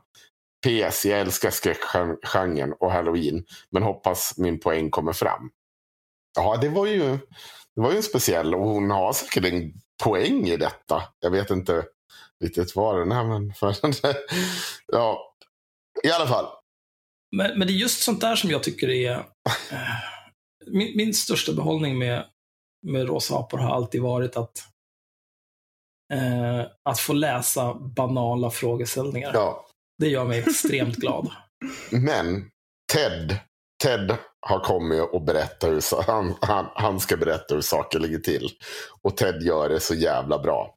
Den här Ted, han borde vi bjuda in till podden någon gång för att Han kan en hel del, ser jag på hans kommentar. Ja, han kan allt. Han kan framförallt Mm. ord. Oj. Varför ska du fundera på hur det hade varit om det hade varit en muslimsk tradition när halloween, när halloween inte har något med kristendom, a, nu, det här, kristendom a priori att göra, utan är Åh, typiskt usat, usiat, usiaskt hyperkapitalistiskt påfund som handlar om att vinna ekonomisk profit genom cultural appropriation och att marginalisera rasistisk diskurs genom att appropriera på både fiktiva superhjältar och monster och icke-fiktiva andra kulturer, kön, raser, icke-mänskliga djur, objekt. Halloween är en intersection, intersectionality gone wrong. Jag hoppas på att Ted är trollkonto för i så fall gör han det episkt bra. Om inte, eh, då borde du inte lämna ditt hus utan vårdare.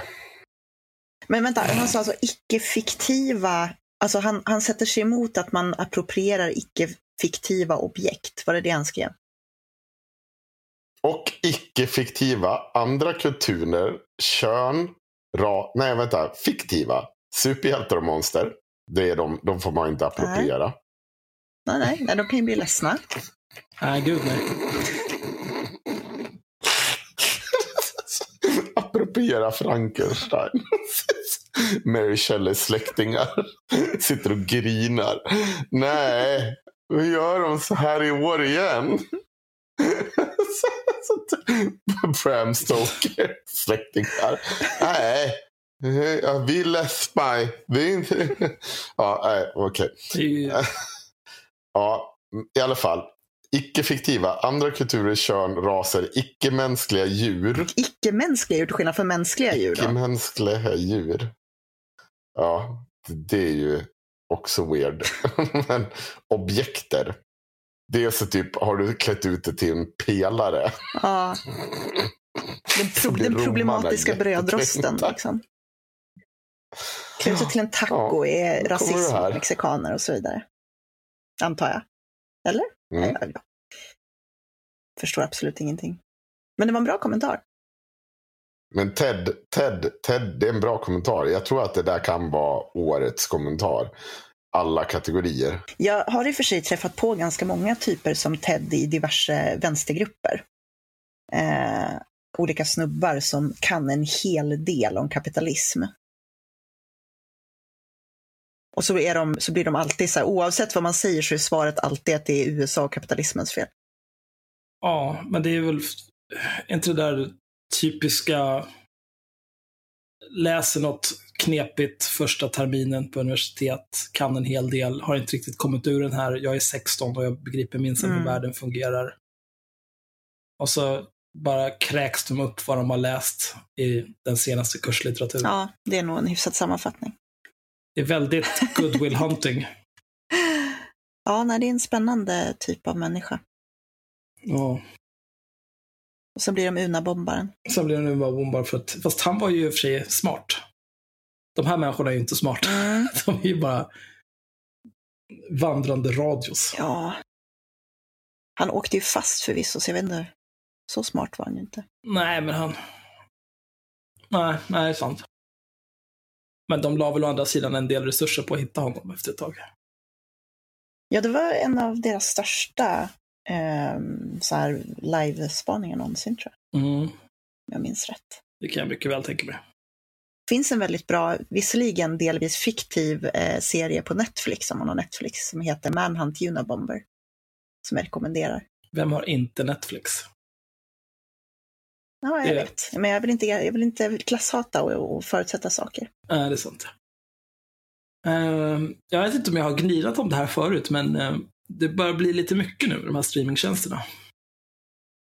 Mm. Jag vet att jag har grinat om det på Facebook, men alltså Netflix kostar ju 120 spänn i månaden eftersom jag är uh, jag, jag, vägrar, jag har en tv som tar 4K så då behöver det vara 4K mm. och då kostar det 120.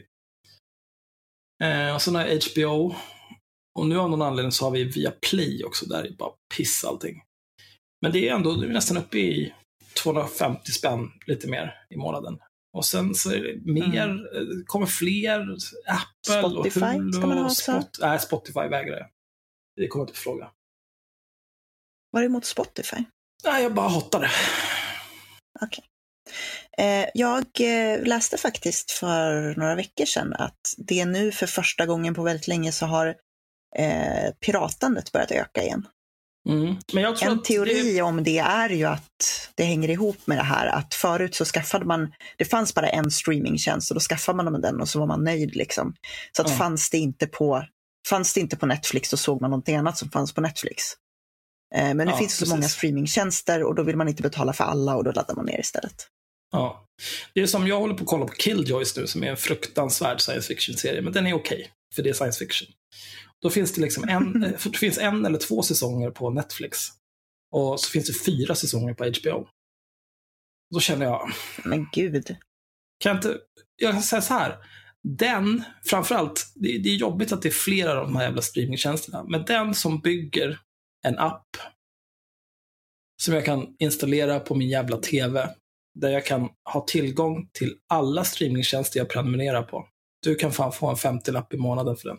Det kan jag tänka mig betala extra. Mm. Det ska vara sökbart, den ska ha alla mina credentials, det ska inte vara några konstigheter. Jag ska hitta allt. Det känns ju inte som, jag förstår inte, för det här, det här problemet har jag haft med Steam och spel på Steam. Inte för att jag har problem med Steam. Jag borde nog ha mer problem med Steam än vad jag har med tanke på hur det påverkar prestandan i spel och sådär ibland. Men, men jag gillar ju Steam. Problemet är ju när man typ hittar spel någon annanstans som man redan har, äger på Steam. Men man har glömt bort det. Mm. Jag löste det genom att bara köpa Steam-spel.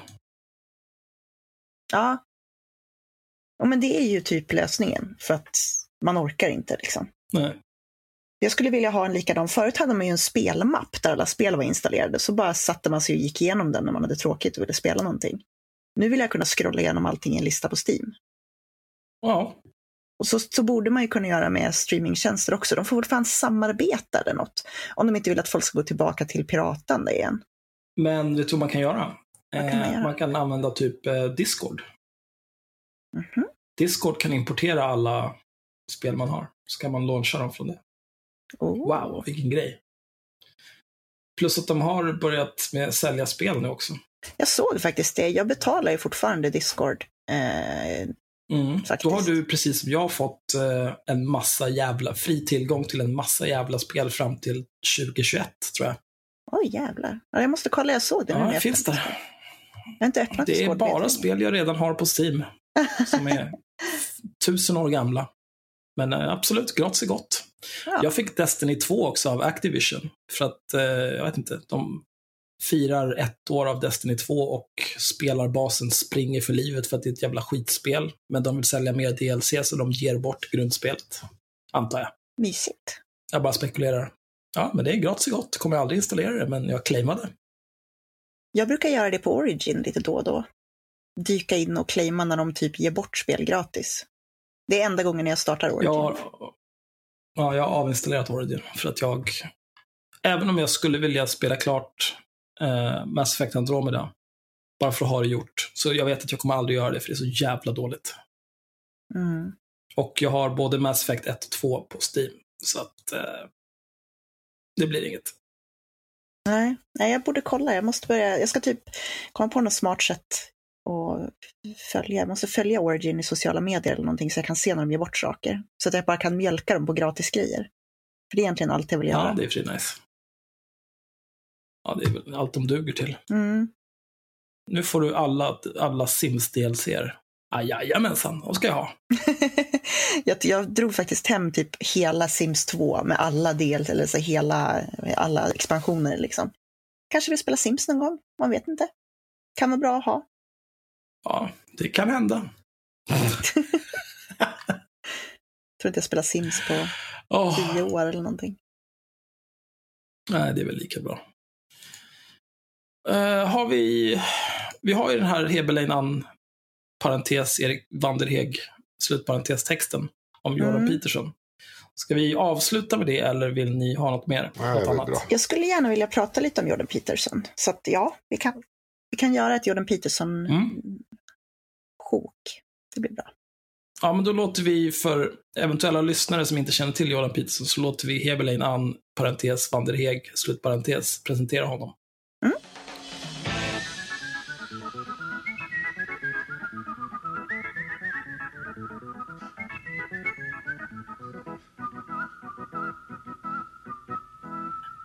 Jag kommer också i beskrivningen till den här länka en artikel om Jordan Peterson i The Guardian. Där de går igenom varför han är en jävla häxdoktor. Eh, så kan ni ju avgöra själva vad ni, vad ni tycker. Varför provocerar Jordan B. Peterson? Vad är det med Jordan B. Peterson som väcker så starka känslor? Den kanadensiska psykologiprofessorns besök i Sverige har genererat otaliga texter, krönikor, intervjuer och reportage. I princip samtliga med en indignerad underton. En del texter är direkt fientligt inställda, som Lisa Magnussons krönika på DNs ledarsida. Magnusson betecknar Peterson som de ofrivilliga oskuldernas viktigaste influens. De är väl frivilliga? os- Ja. Förlåt. Nej, de är, de är ju incels. Ja, Eller? de går ju över sen Eller till tänker att du bli... att de liksom... Sen går de ju över till att bli någon så här men going their own way. Mans, mansrättsaktivister Mm. som åker iväg ute på en kursgård med Alexander Bard. betala 10 000 för att primalskrika. En del verkar mest förvirrade, som Skavlan när Peterson besökte hans talkshow förra helgen. Det var uppenbart att Skavlan inte förstod sig på den märkliga och exotiska varelse som tagit plats i en av hans fåtöljer. Då var bisittaren Annie Lööf lättare, enklare att hantera. Hon sa ju exakt det man kan förvänta sig av ett underhållningsprogram i Sveriges Television en fredagskväll. Nämligen att det inte finns några skillnader mellan män och kvinnor, men att män nog ändå är lite ondare än kvinnor. Jag tvivlar starkt på att det var det hon sa. Jag har svårt att tänka mig att hon sa det. Ja. Så ser nämligen den svenska idén om kön ut. Kvinnor och män är exakt likadana. Trots detta förtrycker männen kvinnorna och har mer makt. Det är naturligtvis en absurd uppfattning som inte håller för att granskas. Just därför var Annie Lööf en genial sparringpartner till Peterson. Hon utgör en sällsynt kombination av okunskap och övermod, bergfast övertygad om sin egen förträfflighet och kompetens. Så övertygad att hon dödsföraktande viftade bort Petersons vetenskapligt belagda resonemang med att hon inte delade hans åsikt. Eh, det här är en sällsynt kombination av okunskap och övermod, bergfast övertygad om sin egen förträfflighet och kompetens. Genom sig själv känner man andra. Mhm, jag tänkte faktiskt precis samma Det är allt jag har att säga om det. Ja. Fan. Men eh, det här med att hans vetenskapligt belagda resonemang. Eh, jag är skeptisk. Dels, eh, det var ju en massa eh, NPCer Mm. på Twitter som hade en massa åsikter. Eh, Agnes Wold, eh, legenden Agnes Wold, Mm. skrev en eh, lång tråd om det där. där hon, eh, han, han nämnde ju tre studier Mm. och då hade hon letat upp dem. Eh, och sagt att de här visar ju inte... Tålde de inte för en granskning? Nej, de visade inte alls det han påstår att de visar, menade hon. Och så visade hon grafer och sådär. Jag begriper inte det där, men jag litar mer på Agnes Wold än jag litar på jävla Jordan Peterson och Hebelein Ann, parentes, Vanderheg, slutparentes. Mm. Och jag eh, har också en, eh, en kompis som är psykolog som är mycket skeptisk till Jordan Peterson. Dels för att eh, han, hon, eh, hen, Mm. hon, han, hen, de Mm. Menade att det, det är helt orimligt att dra den typen av slutsatser han gör utifrån den eh, data han hänvisar till. Det är väl det enklaste sättet jag kan sammanfatta det för att eh, det och sen också, jag menar det är inte som att han, han har ju mest undervisat. Mm. Han har inte forskat, nej. Det är inte som att, nej han har ju inte forskat någonting. Nej, men det, alltså, problemet, med Han, Jordan, han har ju bara stått och malt på. Problemet med Jordan Peterson är hur han använder vetenskap också. Det är ju att han, eh, han gör så att han tar upp saker som är fakta, men han lägger dem i en kontext där de säger någon mycket mer än vad de faktiskt säger i sig själva, om du fattar. Mm. Så att ehm, till exempel om han säger, han tar, någon, han tar fakta som här har vi forskat på att, att humrar har ett, ett, eh, liksom hierarkier i sina samhällen. Eh, alltså är det inte vetenskapligt att säga att det inte finns mänskliga hierarkier. Det är ingen som har sagt det, för det Nej. första. För det andra så använder du det här då för att antyda att de hierarkier vi har i samhället idag skulle vara bra. Vilket ju inte är givet. Liksom. Eh, så att, men, men problemet är med det är ju att han inte går att bemöta för att han säger egentligen ingenting kontroversiellt utan det är saker, så sättet han ramar in det på som är kontroversiellt. Men då gör de ju den här, den här typiska liksom, Twitter-troll-grejen där man antyder någonting, man säger inte rakt ut så att man kan inte liksom angripas för att man har sagt de här sakerna. För då säger man bara, ah, du fultolkar mig. Men egentligen så hundvisslar man ju om någonting helt annat. Mm. Men du kan liksom inte vinna, för du kan inte angripa det och påpeka att de hundvisslar, för då är det du som är paranoid. Liksom. Ja, det, det, det enklaste är att bara ignorera dem. Jag i och för sig, eh, jag märkte att eh, det var ju det där, vad fan, du, du som hittade det där, där han hade twittrat för 2017 om att 91% av de som ser hans YouTube-videor är män och frågade sig varför det var så få kvinnor. Ja. Eh, jag retweetade det Mm. och då eh, blev jag anfallen av ytterligare NPCs Men då, jag, jag, efter ett tag så jag kände att jag pallar inte mer här. Så kommenterade jag bara så här, ja. ja det är ju jävligt alfa att sitta och gläfsa bakom anonymt konto på Twitter. Liksom. Jag förstår att du är en riktig karakar här. Tar ansvar Mm. och är duktig. För det är, det är så meningslöst. Liksom. Eh, och det är det han, mycket av det han pratar om handlar ju om att män ska vara män och kvinnor ska vara kvinnor. Mm. Ehm, och, och att det här med, med alfamän är någonting magiskt.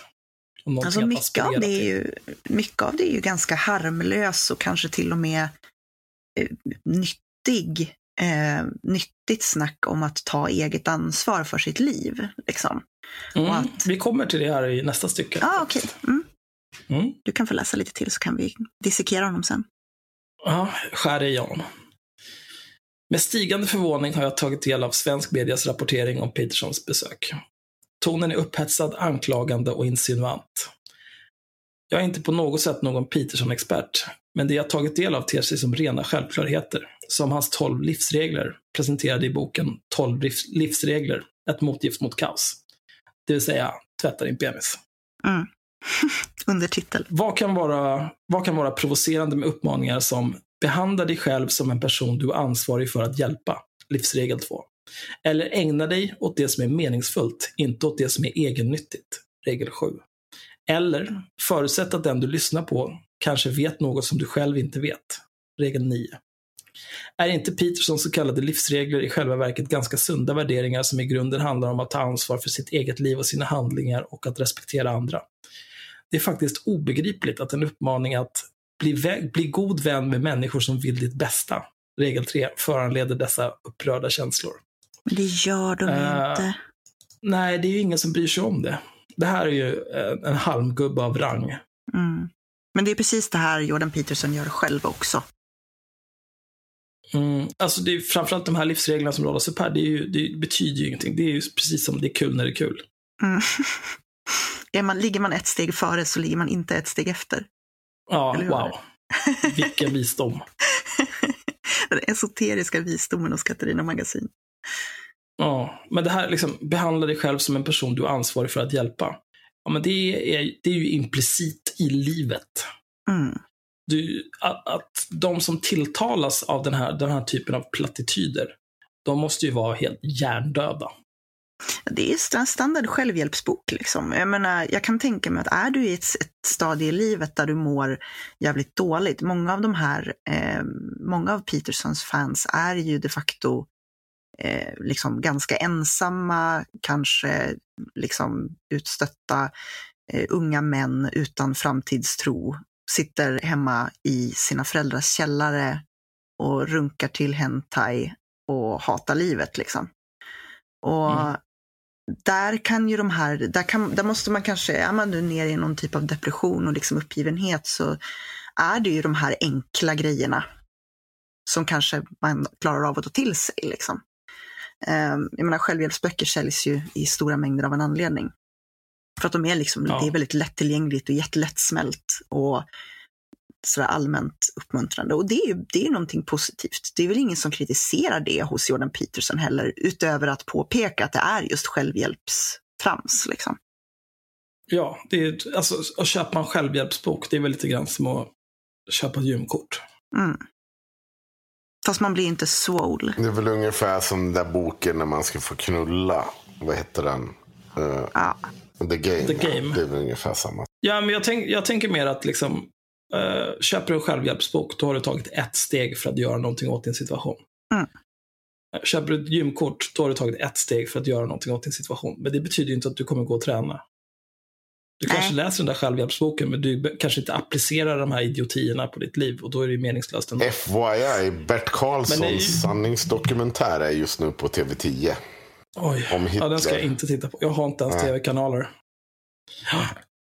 Då, då, jag tar nog hellre min visdom om Hitler från Glenn Hysén. Det är röva. Fan, livets, livets jävla tweet alltså. Då måste vi läsa det. Mm.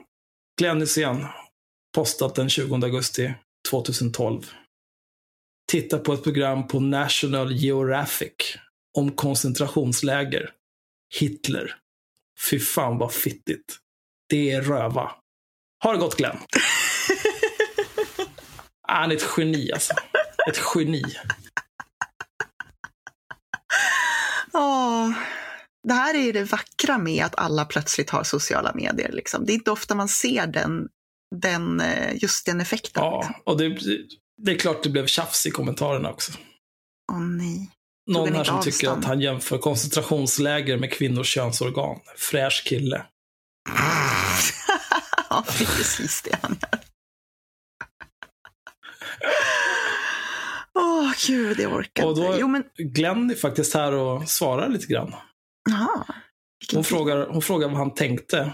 Skriver du på grund av min fråga om hur du tänkte när du valde fittigt som kraftuttryck för Hitler och koncentrationsläger? Glenn svarar. Ha, ha, ha, ha, ha. Jag tänkte ingenting. Inget illa menat. Coola av. Kram. Ha det gott Glenn. Alltså det är någonting speciellt ändå med människor som signerar sina inlägg i sociala medier. Jag ska Ja. börja med det också. Ja, det är fantastiskt. Men apropå det, Kanske apropå, smart att tänka lite också. Nej. Ja, kör. apropå dumma social justice warriors så är det ju också, det är ju mycket det som Peterson har vunnit. Eh, det är ju där liksom hela althögen och sådär har omfamnat honom som mest. Förutom då att han är liksom konservativ, liberal. Säger det, liberal konservativ, det är värsta sortens människor. Eh, men men han har ju, han har ju kritiserat, så kritiserar han ju liksom det här postmodernistiska marxisten, ma- marxismen. Eh, vill Mm, man, Kulturmarxisterna. ja, precis, det är den första, för det är precis samma konspirationsteori, fast lite mindre fascistisk. Så. Men Mm. och jag tror inte att det är någonting medvetet från hans sida. Men det, det, det säger ju egentligen ingenting. Alltså de här människorna, identitetspolitiska social justice warriors, har ju jävligt lite att göra med marxismen. Skulle jag vilja påstå. Ja, men det är ju bara för att det är ett bekant skällsord för liksom boomers Mm. och för nazister. Ja. så att, så att det är liksom, jag vet inte, det, det är bara det är bara jättekonstigt. Alltså hans kritik mot postmodernismen eh, håller ju inte riktigt då, skulle jag vilja påstå. Men det är Inte att förglömma också att han är ju troende katolik. Ja, är han katolik också? Han är troende vet jag. Troende och Jag konservativ. är rätt säker. Vi, Ja. vi tar och live-googlar lite. Men hur som helst, så att människor skulle ha problem med att Jordan Peterson säger till unga män att tvätta snoppen, det är ju bullshit. Det är ingen som säger det. Däremot så kan man ju ha synpunkter om till exempel att han säger saker som Eh, å ena sidan så säger han att han jobbar för att alla ska ta eget ansvar för sina liv, men sen så slänger han också ur sig grejer som att säga att ja, man kan se på forskning att män som är i förhållanden begår färre brott. Och därför så bör vi som samhälle ha state enforced monogamy. Eh, typ. Nu parafraserar jag, men han använder uttrycket state enforced monogamy. Det var jättemycket tjafs om det där eftersom man egentligen, uttrycket innefattar egentligen inte att man tvingar folk att gifta sig, utan det handlar om att man på samhällsnivå uppmuntrar liksom, förhållanden. Eh, Mm. främst då Men det- det straighta gör förhållanden såklart. Jo, men jag tycker väl också att Det man gör vi gör redan. det. Eh, men, Alltså barnbidrag. mm, Jag vet inte. sambolagar och så vidare. Men eh, jag... Eh, jag vet inte, det, det är så han försvarar i alla fall. Och då kan jag tycka så här att börjar man slänga fram sådana grejer, då det blir ju ett sätt att implicit lägga lite av ansvaret på kvinnor när man säger att män som har en kvinna i sitt liv begår färre brott. Och istället för att då titta på, jaha, vad beror det på? Kan det vara så att män inte kan prata om sina känslor med andra än sin flickvän? Och att de, eller att de, de har ingen självbevarelsedrift och inget egenvärde, så att de begår bara brott när de känner att det kan skada någon annan. Eller de begår bara brott när de känner att det inte kan skada någon annan. Menar jag. Mm. Men istället för att ta det dit så konstaterar man bara att det här är ett faktum och sen så säger man att det är ett argument för monogami. Ja, Och då har man lagt en del av ansvaret på kvinnor. eh, man kommer inte riktigt åt grundorsaken. Nej. Och problemet är att han säger ju inte det här rakt ut, utan det här är ju liksom någonting som man läser in och ifrågasätter man då det och säger, men vänta, är inte det här att säga att om kvinnor var lite mer monogama så skulle vi ha färre brottslingar och hur, hur lägger det ansvaret på män? Då säger han, ja, men det har jag ju inte sagt, jag har bara pekat ut fakta, det här är en studie, det är fakta. Och det är precis det som är problemet med Peterson, liksom, att det går inte att Um, det går liksom inte att kritisera någonting han säger, för han säger egentligen ingenting. Nej, det är kul när det är kul. Mm. Hur var det? Var han katolik? Ja, jag, jag hittar inget som direkt säger Jordan Peterson är katolik. Däremot det går inte att utesluta. Jag, jag hittar en massa jävla katoliker som pratar om det här är vad jag tycker om Jordan Peterson och hans tro. Mm -hmm. Men jag är rätt säker på att han är katolik. Han är troende i alla fall. Mm. Det är ju också, ja, ja, jag vet inte vad jag ska säga. Är Erik Vanderhed katolik? Jag tror att han, ja. Vi kan mejla Hebelein Ann, parentes, Vanderheg, slutparentes och fråga. Mm. Oh, eh, själv fascineras jag mest av Petersons förmåga att få män, i synnerhet unga män, att läsa, ta del av och diskutera filosofiska och teologiska resonemang. Låt vara i en populär version, men ändå. Petersons karaktäristiska blandning av konventionell livsvisdom, psykologi, personliga anekdoter, bibliska berättelser och filosofiska resonemang slår an en sträng hos en mycket stor grupp människor som sannolikt inte läser vare sig Kant eller Nietzsche till vardags. På Petersons lista över tio böcker han anser att alla bör läsa finns klassiker som Viktor Frankls Man's Searching for Meaning och Christopher Brownings Ordinary Men, böcker som jag själv haft stort utbyte av. Eh, jag eh, kan ge våra kära lyssnare eh, tio böcker som jag tycker att ni borde läsa. Eh, Malasan Book of the Fallen. Det är tio böcker. 1300 sidor styck ungefär. Kör bara. Mycket bra. Mycket, mycket bra. Det är alltså fantasy eller science fiction då förutsätter jag? Det är fantasy. Mm. Eh, föredrar man science fiction så rekommenderar jag alla böcker i The Culture-serien. Jag tror, de är nog tio riktigt. Mm. Steven Erickson har skrivit Malasan Book of the Fallen. Ian M. Banks har skrivit The Culture-böckerna. Mycket bra. Mycket bra. Men vänta, vad är det mer? Vad har Banks skrivit mer? Han har skrivit lite annat trams också. Jag har läst någonting. Jag har valt att inte läsa det andra han har skrivit för att jag är, det, var inte fan, det var inte science fiction. Så, ah, okay. Då vill jag inte. Men eh, det här, något jag tänkte på här, att han blandar blaha blaha och personliga anekdoter. Just det här med personliga anekdoter. Jag, jag kollade på några eh, videor, han har ju lagt upp biljarder videor på YouTube. Någonting som slog mig var att jag tror inte att det går att hitta en enda video av honom där han inte först han, lä han lägger fram en premiss och sen, varför är det så här? Varför är det så här? Och sen så maler han på om olika typer av... Han, han hänvisar inte till studier, utan han pratar om någon studie. Och sen så säger han I think. Och sen så kommer han med en slutsats. Mm. Och sen så eh, brukar han köra en anekdot om så här, jag träffade en gång en kille, jag har en kompis som, blä, blä, blä, blä, blä. Och anekdoten för fram hans poäng mer än allt annat gör. Och sen så avslutar han. Liksom. Men det är precis det jag menar, att han tar ju liksom en studie som visar någonting och sen så använder ja. han det för att dra en slutsats på någonting annat, vilket är fullt legitimt att göra. Liksom. Att, att, ja, då kan man ju tänka sig att det här kanske påverkar det här också. Men, men det är ju inte vetenskap i sig. Nej, det är ju... Alltså det känns mer som någonting en politiker skulle göra. Eller en, en eh, politiskt motiverad ledarskribent. Mm. Ja, vi fortsätter med den här skiten. Frankels bok Livet måste ha en mening, som den heter på svenska, undersöker människans förmåga att hantera och överleva kriser. Frankel skriver med utgångspunkt i sin egen och andras erfarenhet av att överleva koncentrationsläger. Hans slutsats är att förmågan att känna hopp, att tänka sig framtiden bortom nuet, är avgörande för att överleva en svår och djup kris. Fan, kanske skulle skicka den till de där idioterna på Katarina Magasin. Mm. Ja, det vore väl jättebra. Mm, det kan de behöva. Christopher Brownings bok, också den översatt till svenska med titeln Helt vanliga män, är en fasansfull berättelse om reservpolisbataljon 101 som deltog i massakern av 38 000 polska judar. Browning undersöker vilka motiv som drev de här helt vanliga männen i deras grymma agerande. Och han ställer frågan till läsaren om läsaren är säker på vad han eller hon skulle göra i en liknande situation. Skulle du protesterat eller skulle du deltagit? Det är en fråga som alla bör reflektera över. Vilken kraft har jag att motstå auktoriteter? Hur tydlig är min egen moraliska kompass? Är jag tillräckligt grundad i mina värderingar för att kunna hävda dem i en situation där de prövas? Ja, det är helt rimliga frågeställningar. Mm.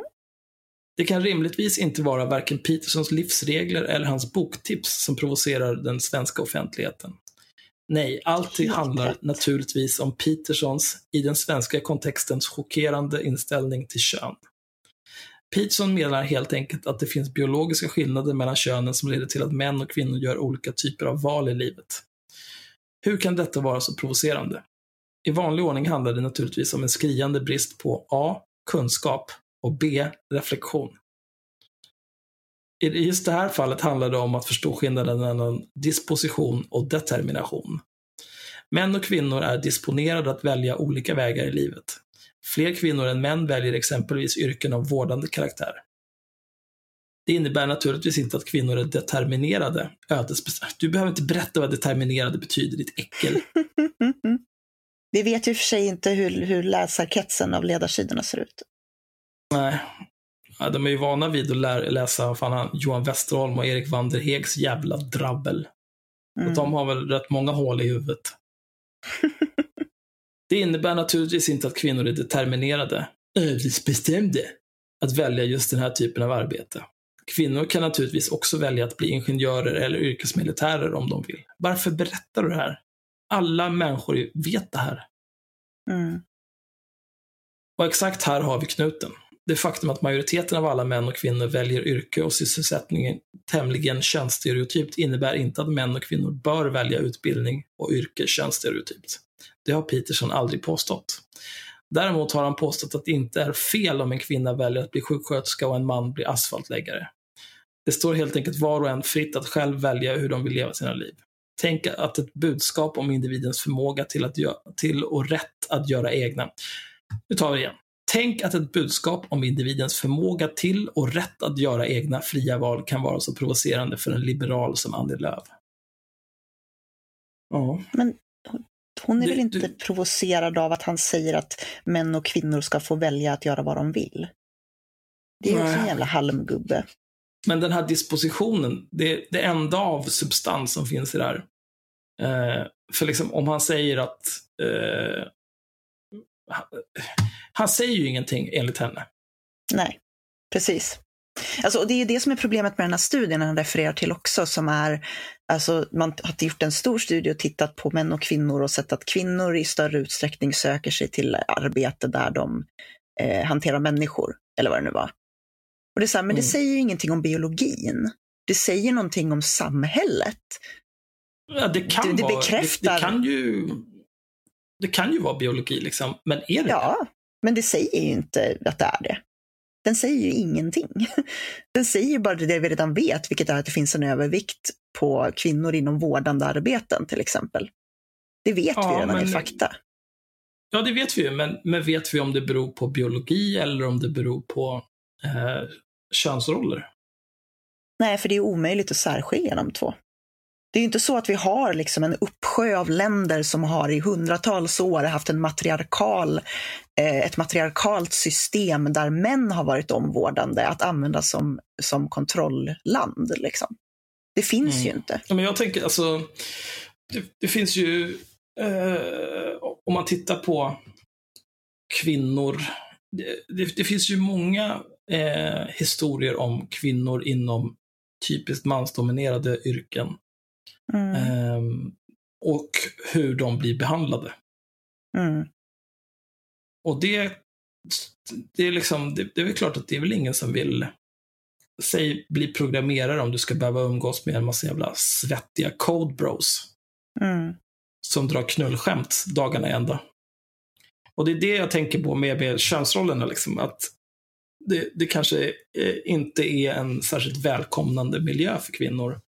Dels på grund av den manliga könsrollen och den kvinnliga könsrollen. Liksom. Mm. Och då, då väljer de annorlunda. Mm. Jo, men precis. som Det Män kanske hellre blir asfaltläggare än sjuksköterska för att han vill inte att hans kompisar ska kalla honom för jävla fjolla. mm. Har du en kjol också när du jobbar? Och så vidare. Mm. Nej, men det är väl precis det. Ehm. Alltså, kön, frågan om, om kön och genus och så här, det är inte, det är inte så jävla svart och vitt. Ehm, och precis som Ann Heberlein påpekar så är det också så att självklart så är det ingen som hävdar att alla kvinnor överallt alltid kommer att välja att bli sjuksköterskor istället för asfaltsläggare. För det skulle vara Nej, det är absolut ingen som har sagt. Nej. Eh, Det, är ju precis, det, det vet vi ju att så är inte fallet, precis som vi vet att det finns kvinnor som kan bli ingenjörer och yrkesmilitärer. Det är liksom, behöver inte säga det. Det är så. Det är Nej. så. Vi Och på samma sätt så blir det ju totalt poänglöst att referera till en studie som säger att kvinnor i större utsträckning söker sig till den typen av omvårdande yrken. Eh, om du inte vill ha någonting sagt med det. Och vad är det Jordan Peterson vill säga med att referera till den studien? Det är det som blir relevant. Jag tror inte att han vill säga eh, kvinnor och män får välja vad de vill, för då hade det varit poänglöst att lyfta studien. Så man måste ju fråga sig varför Jordan Peterson lyfter den här studien. För om det han vill säga är så här, män och kvinnor är fria att göra vilka, vilka yrkesval de vill. Då kan man säga det. Ja. Och ingen skulle, då skulle alla säga så här, ja, det tycker nog alla. men, Men, men då är ju frågan, vad, vad är poängen i att säga det? Ja, ja, men precis. Men vad är poängen med studien då? För i kontexten Ja. alla får välja vad de vill säger den ju absolut ingenting. Nej. Det är återigen det där, man lyfter en, ett, någonting som är fakta, en studie i det här fallet. Och sen så använder man den för att antyda någonting som man aldrig riktigt säger. I, Jo- I Jordan Petersons fall, med tanke på att han är ganska konservativ, så skulle det vara att kvinnor är bättre lämpade för att vara omvårdande till exempel. Men han säger inte rakt ut, utan han väljer att visa på en studie och säga att så här ser det ut. Och så säger man, ja, jo, Fast man måste ju inte bli sjuksköterska för att man är kvinna. Nej. Mer då? Vad, vad är det du vill ha Nej. sagt med det här? Liksom? Nej, det är poänglöst. Det är helt poänglöst. Mm. Enda sättet man gör att det inte blir poänglöst, det är ju om man använder det för att försöka bygga ett narrativ av att kvinnor i allmänhet är bättre lämpade som, omvårdar, som vårdare. Vilket jag misstänker är det som Peterson vill göra med tanke på att han är väldigt konservativ då. Ja. Ehm, Kvinnor ska vara hemma, ta hand om barnen. mm. Och vi För så är det i alla andra länder. Det kan vi se på heteronormativa, välfungerande relationer. Ja, Mannen är ute och tjänar degen, kvinnan sitter stilla och håller käft efter att hon har tagit hand om barnen och städat hela huset och lagat all mat. ja, det är väl en rimlig gissning. tyst. Nej, ja. Eh, Men, men också, man får inte förglömma, kvinnan kan också välja att bli ingenjör. Det är okej. Eller asfaltsläggare. Men det är ju bättre om de inte gör det. Ja, det är ju absolut bättre. Det, det bästa vore om alla bara satt hemma hela dagarna. Ja, där är hans fanboys, oss andra, före oss andra i utvecklingen i alla fall. Ja, För det är egentligen det som är det värsta med Jordan Peterson. Hans fanboys är fullständigt vidriga. Ja, men det är också sen, det är eh, mycket, det finns en grupp på Facebook, typ så här eh, Jordan Peterson Appreciation Society. En svensk grupp. Mm, Ja, den heter inte så, men den heter något liknande, fast på svenska. mm. Eh, jag övervägde att gå med där bara för att kolla läget, men jag valde att inte göra det, för att jag pallar inte.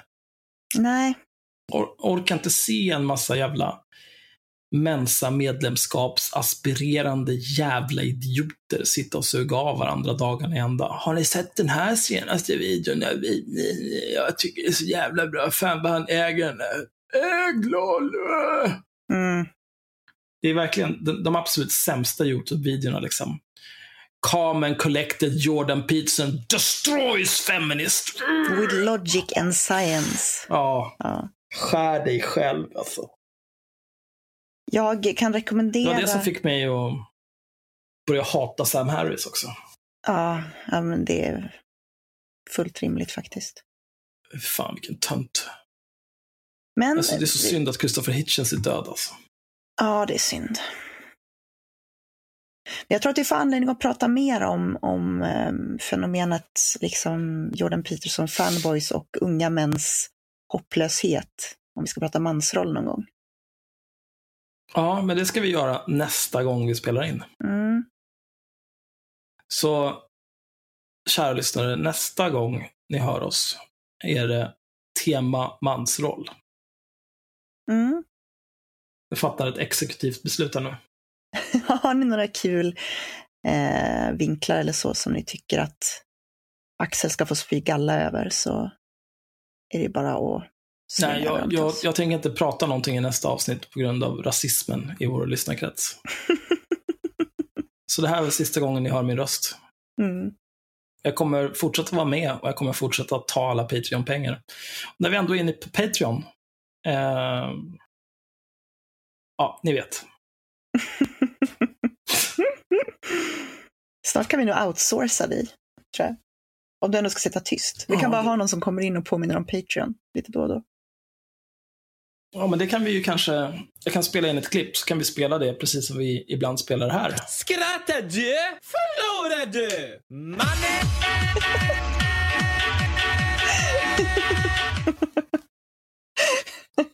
Perfekt. Ja, men du kanske ska göra ett sånt. Gör ett så här, ungefär som du vet den här copy-pasten som Katarina Janouch har i slutet på alla sina artiklar.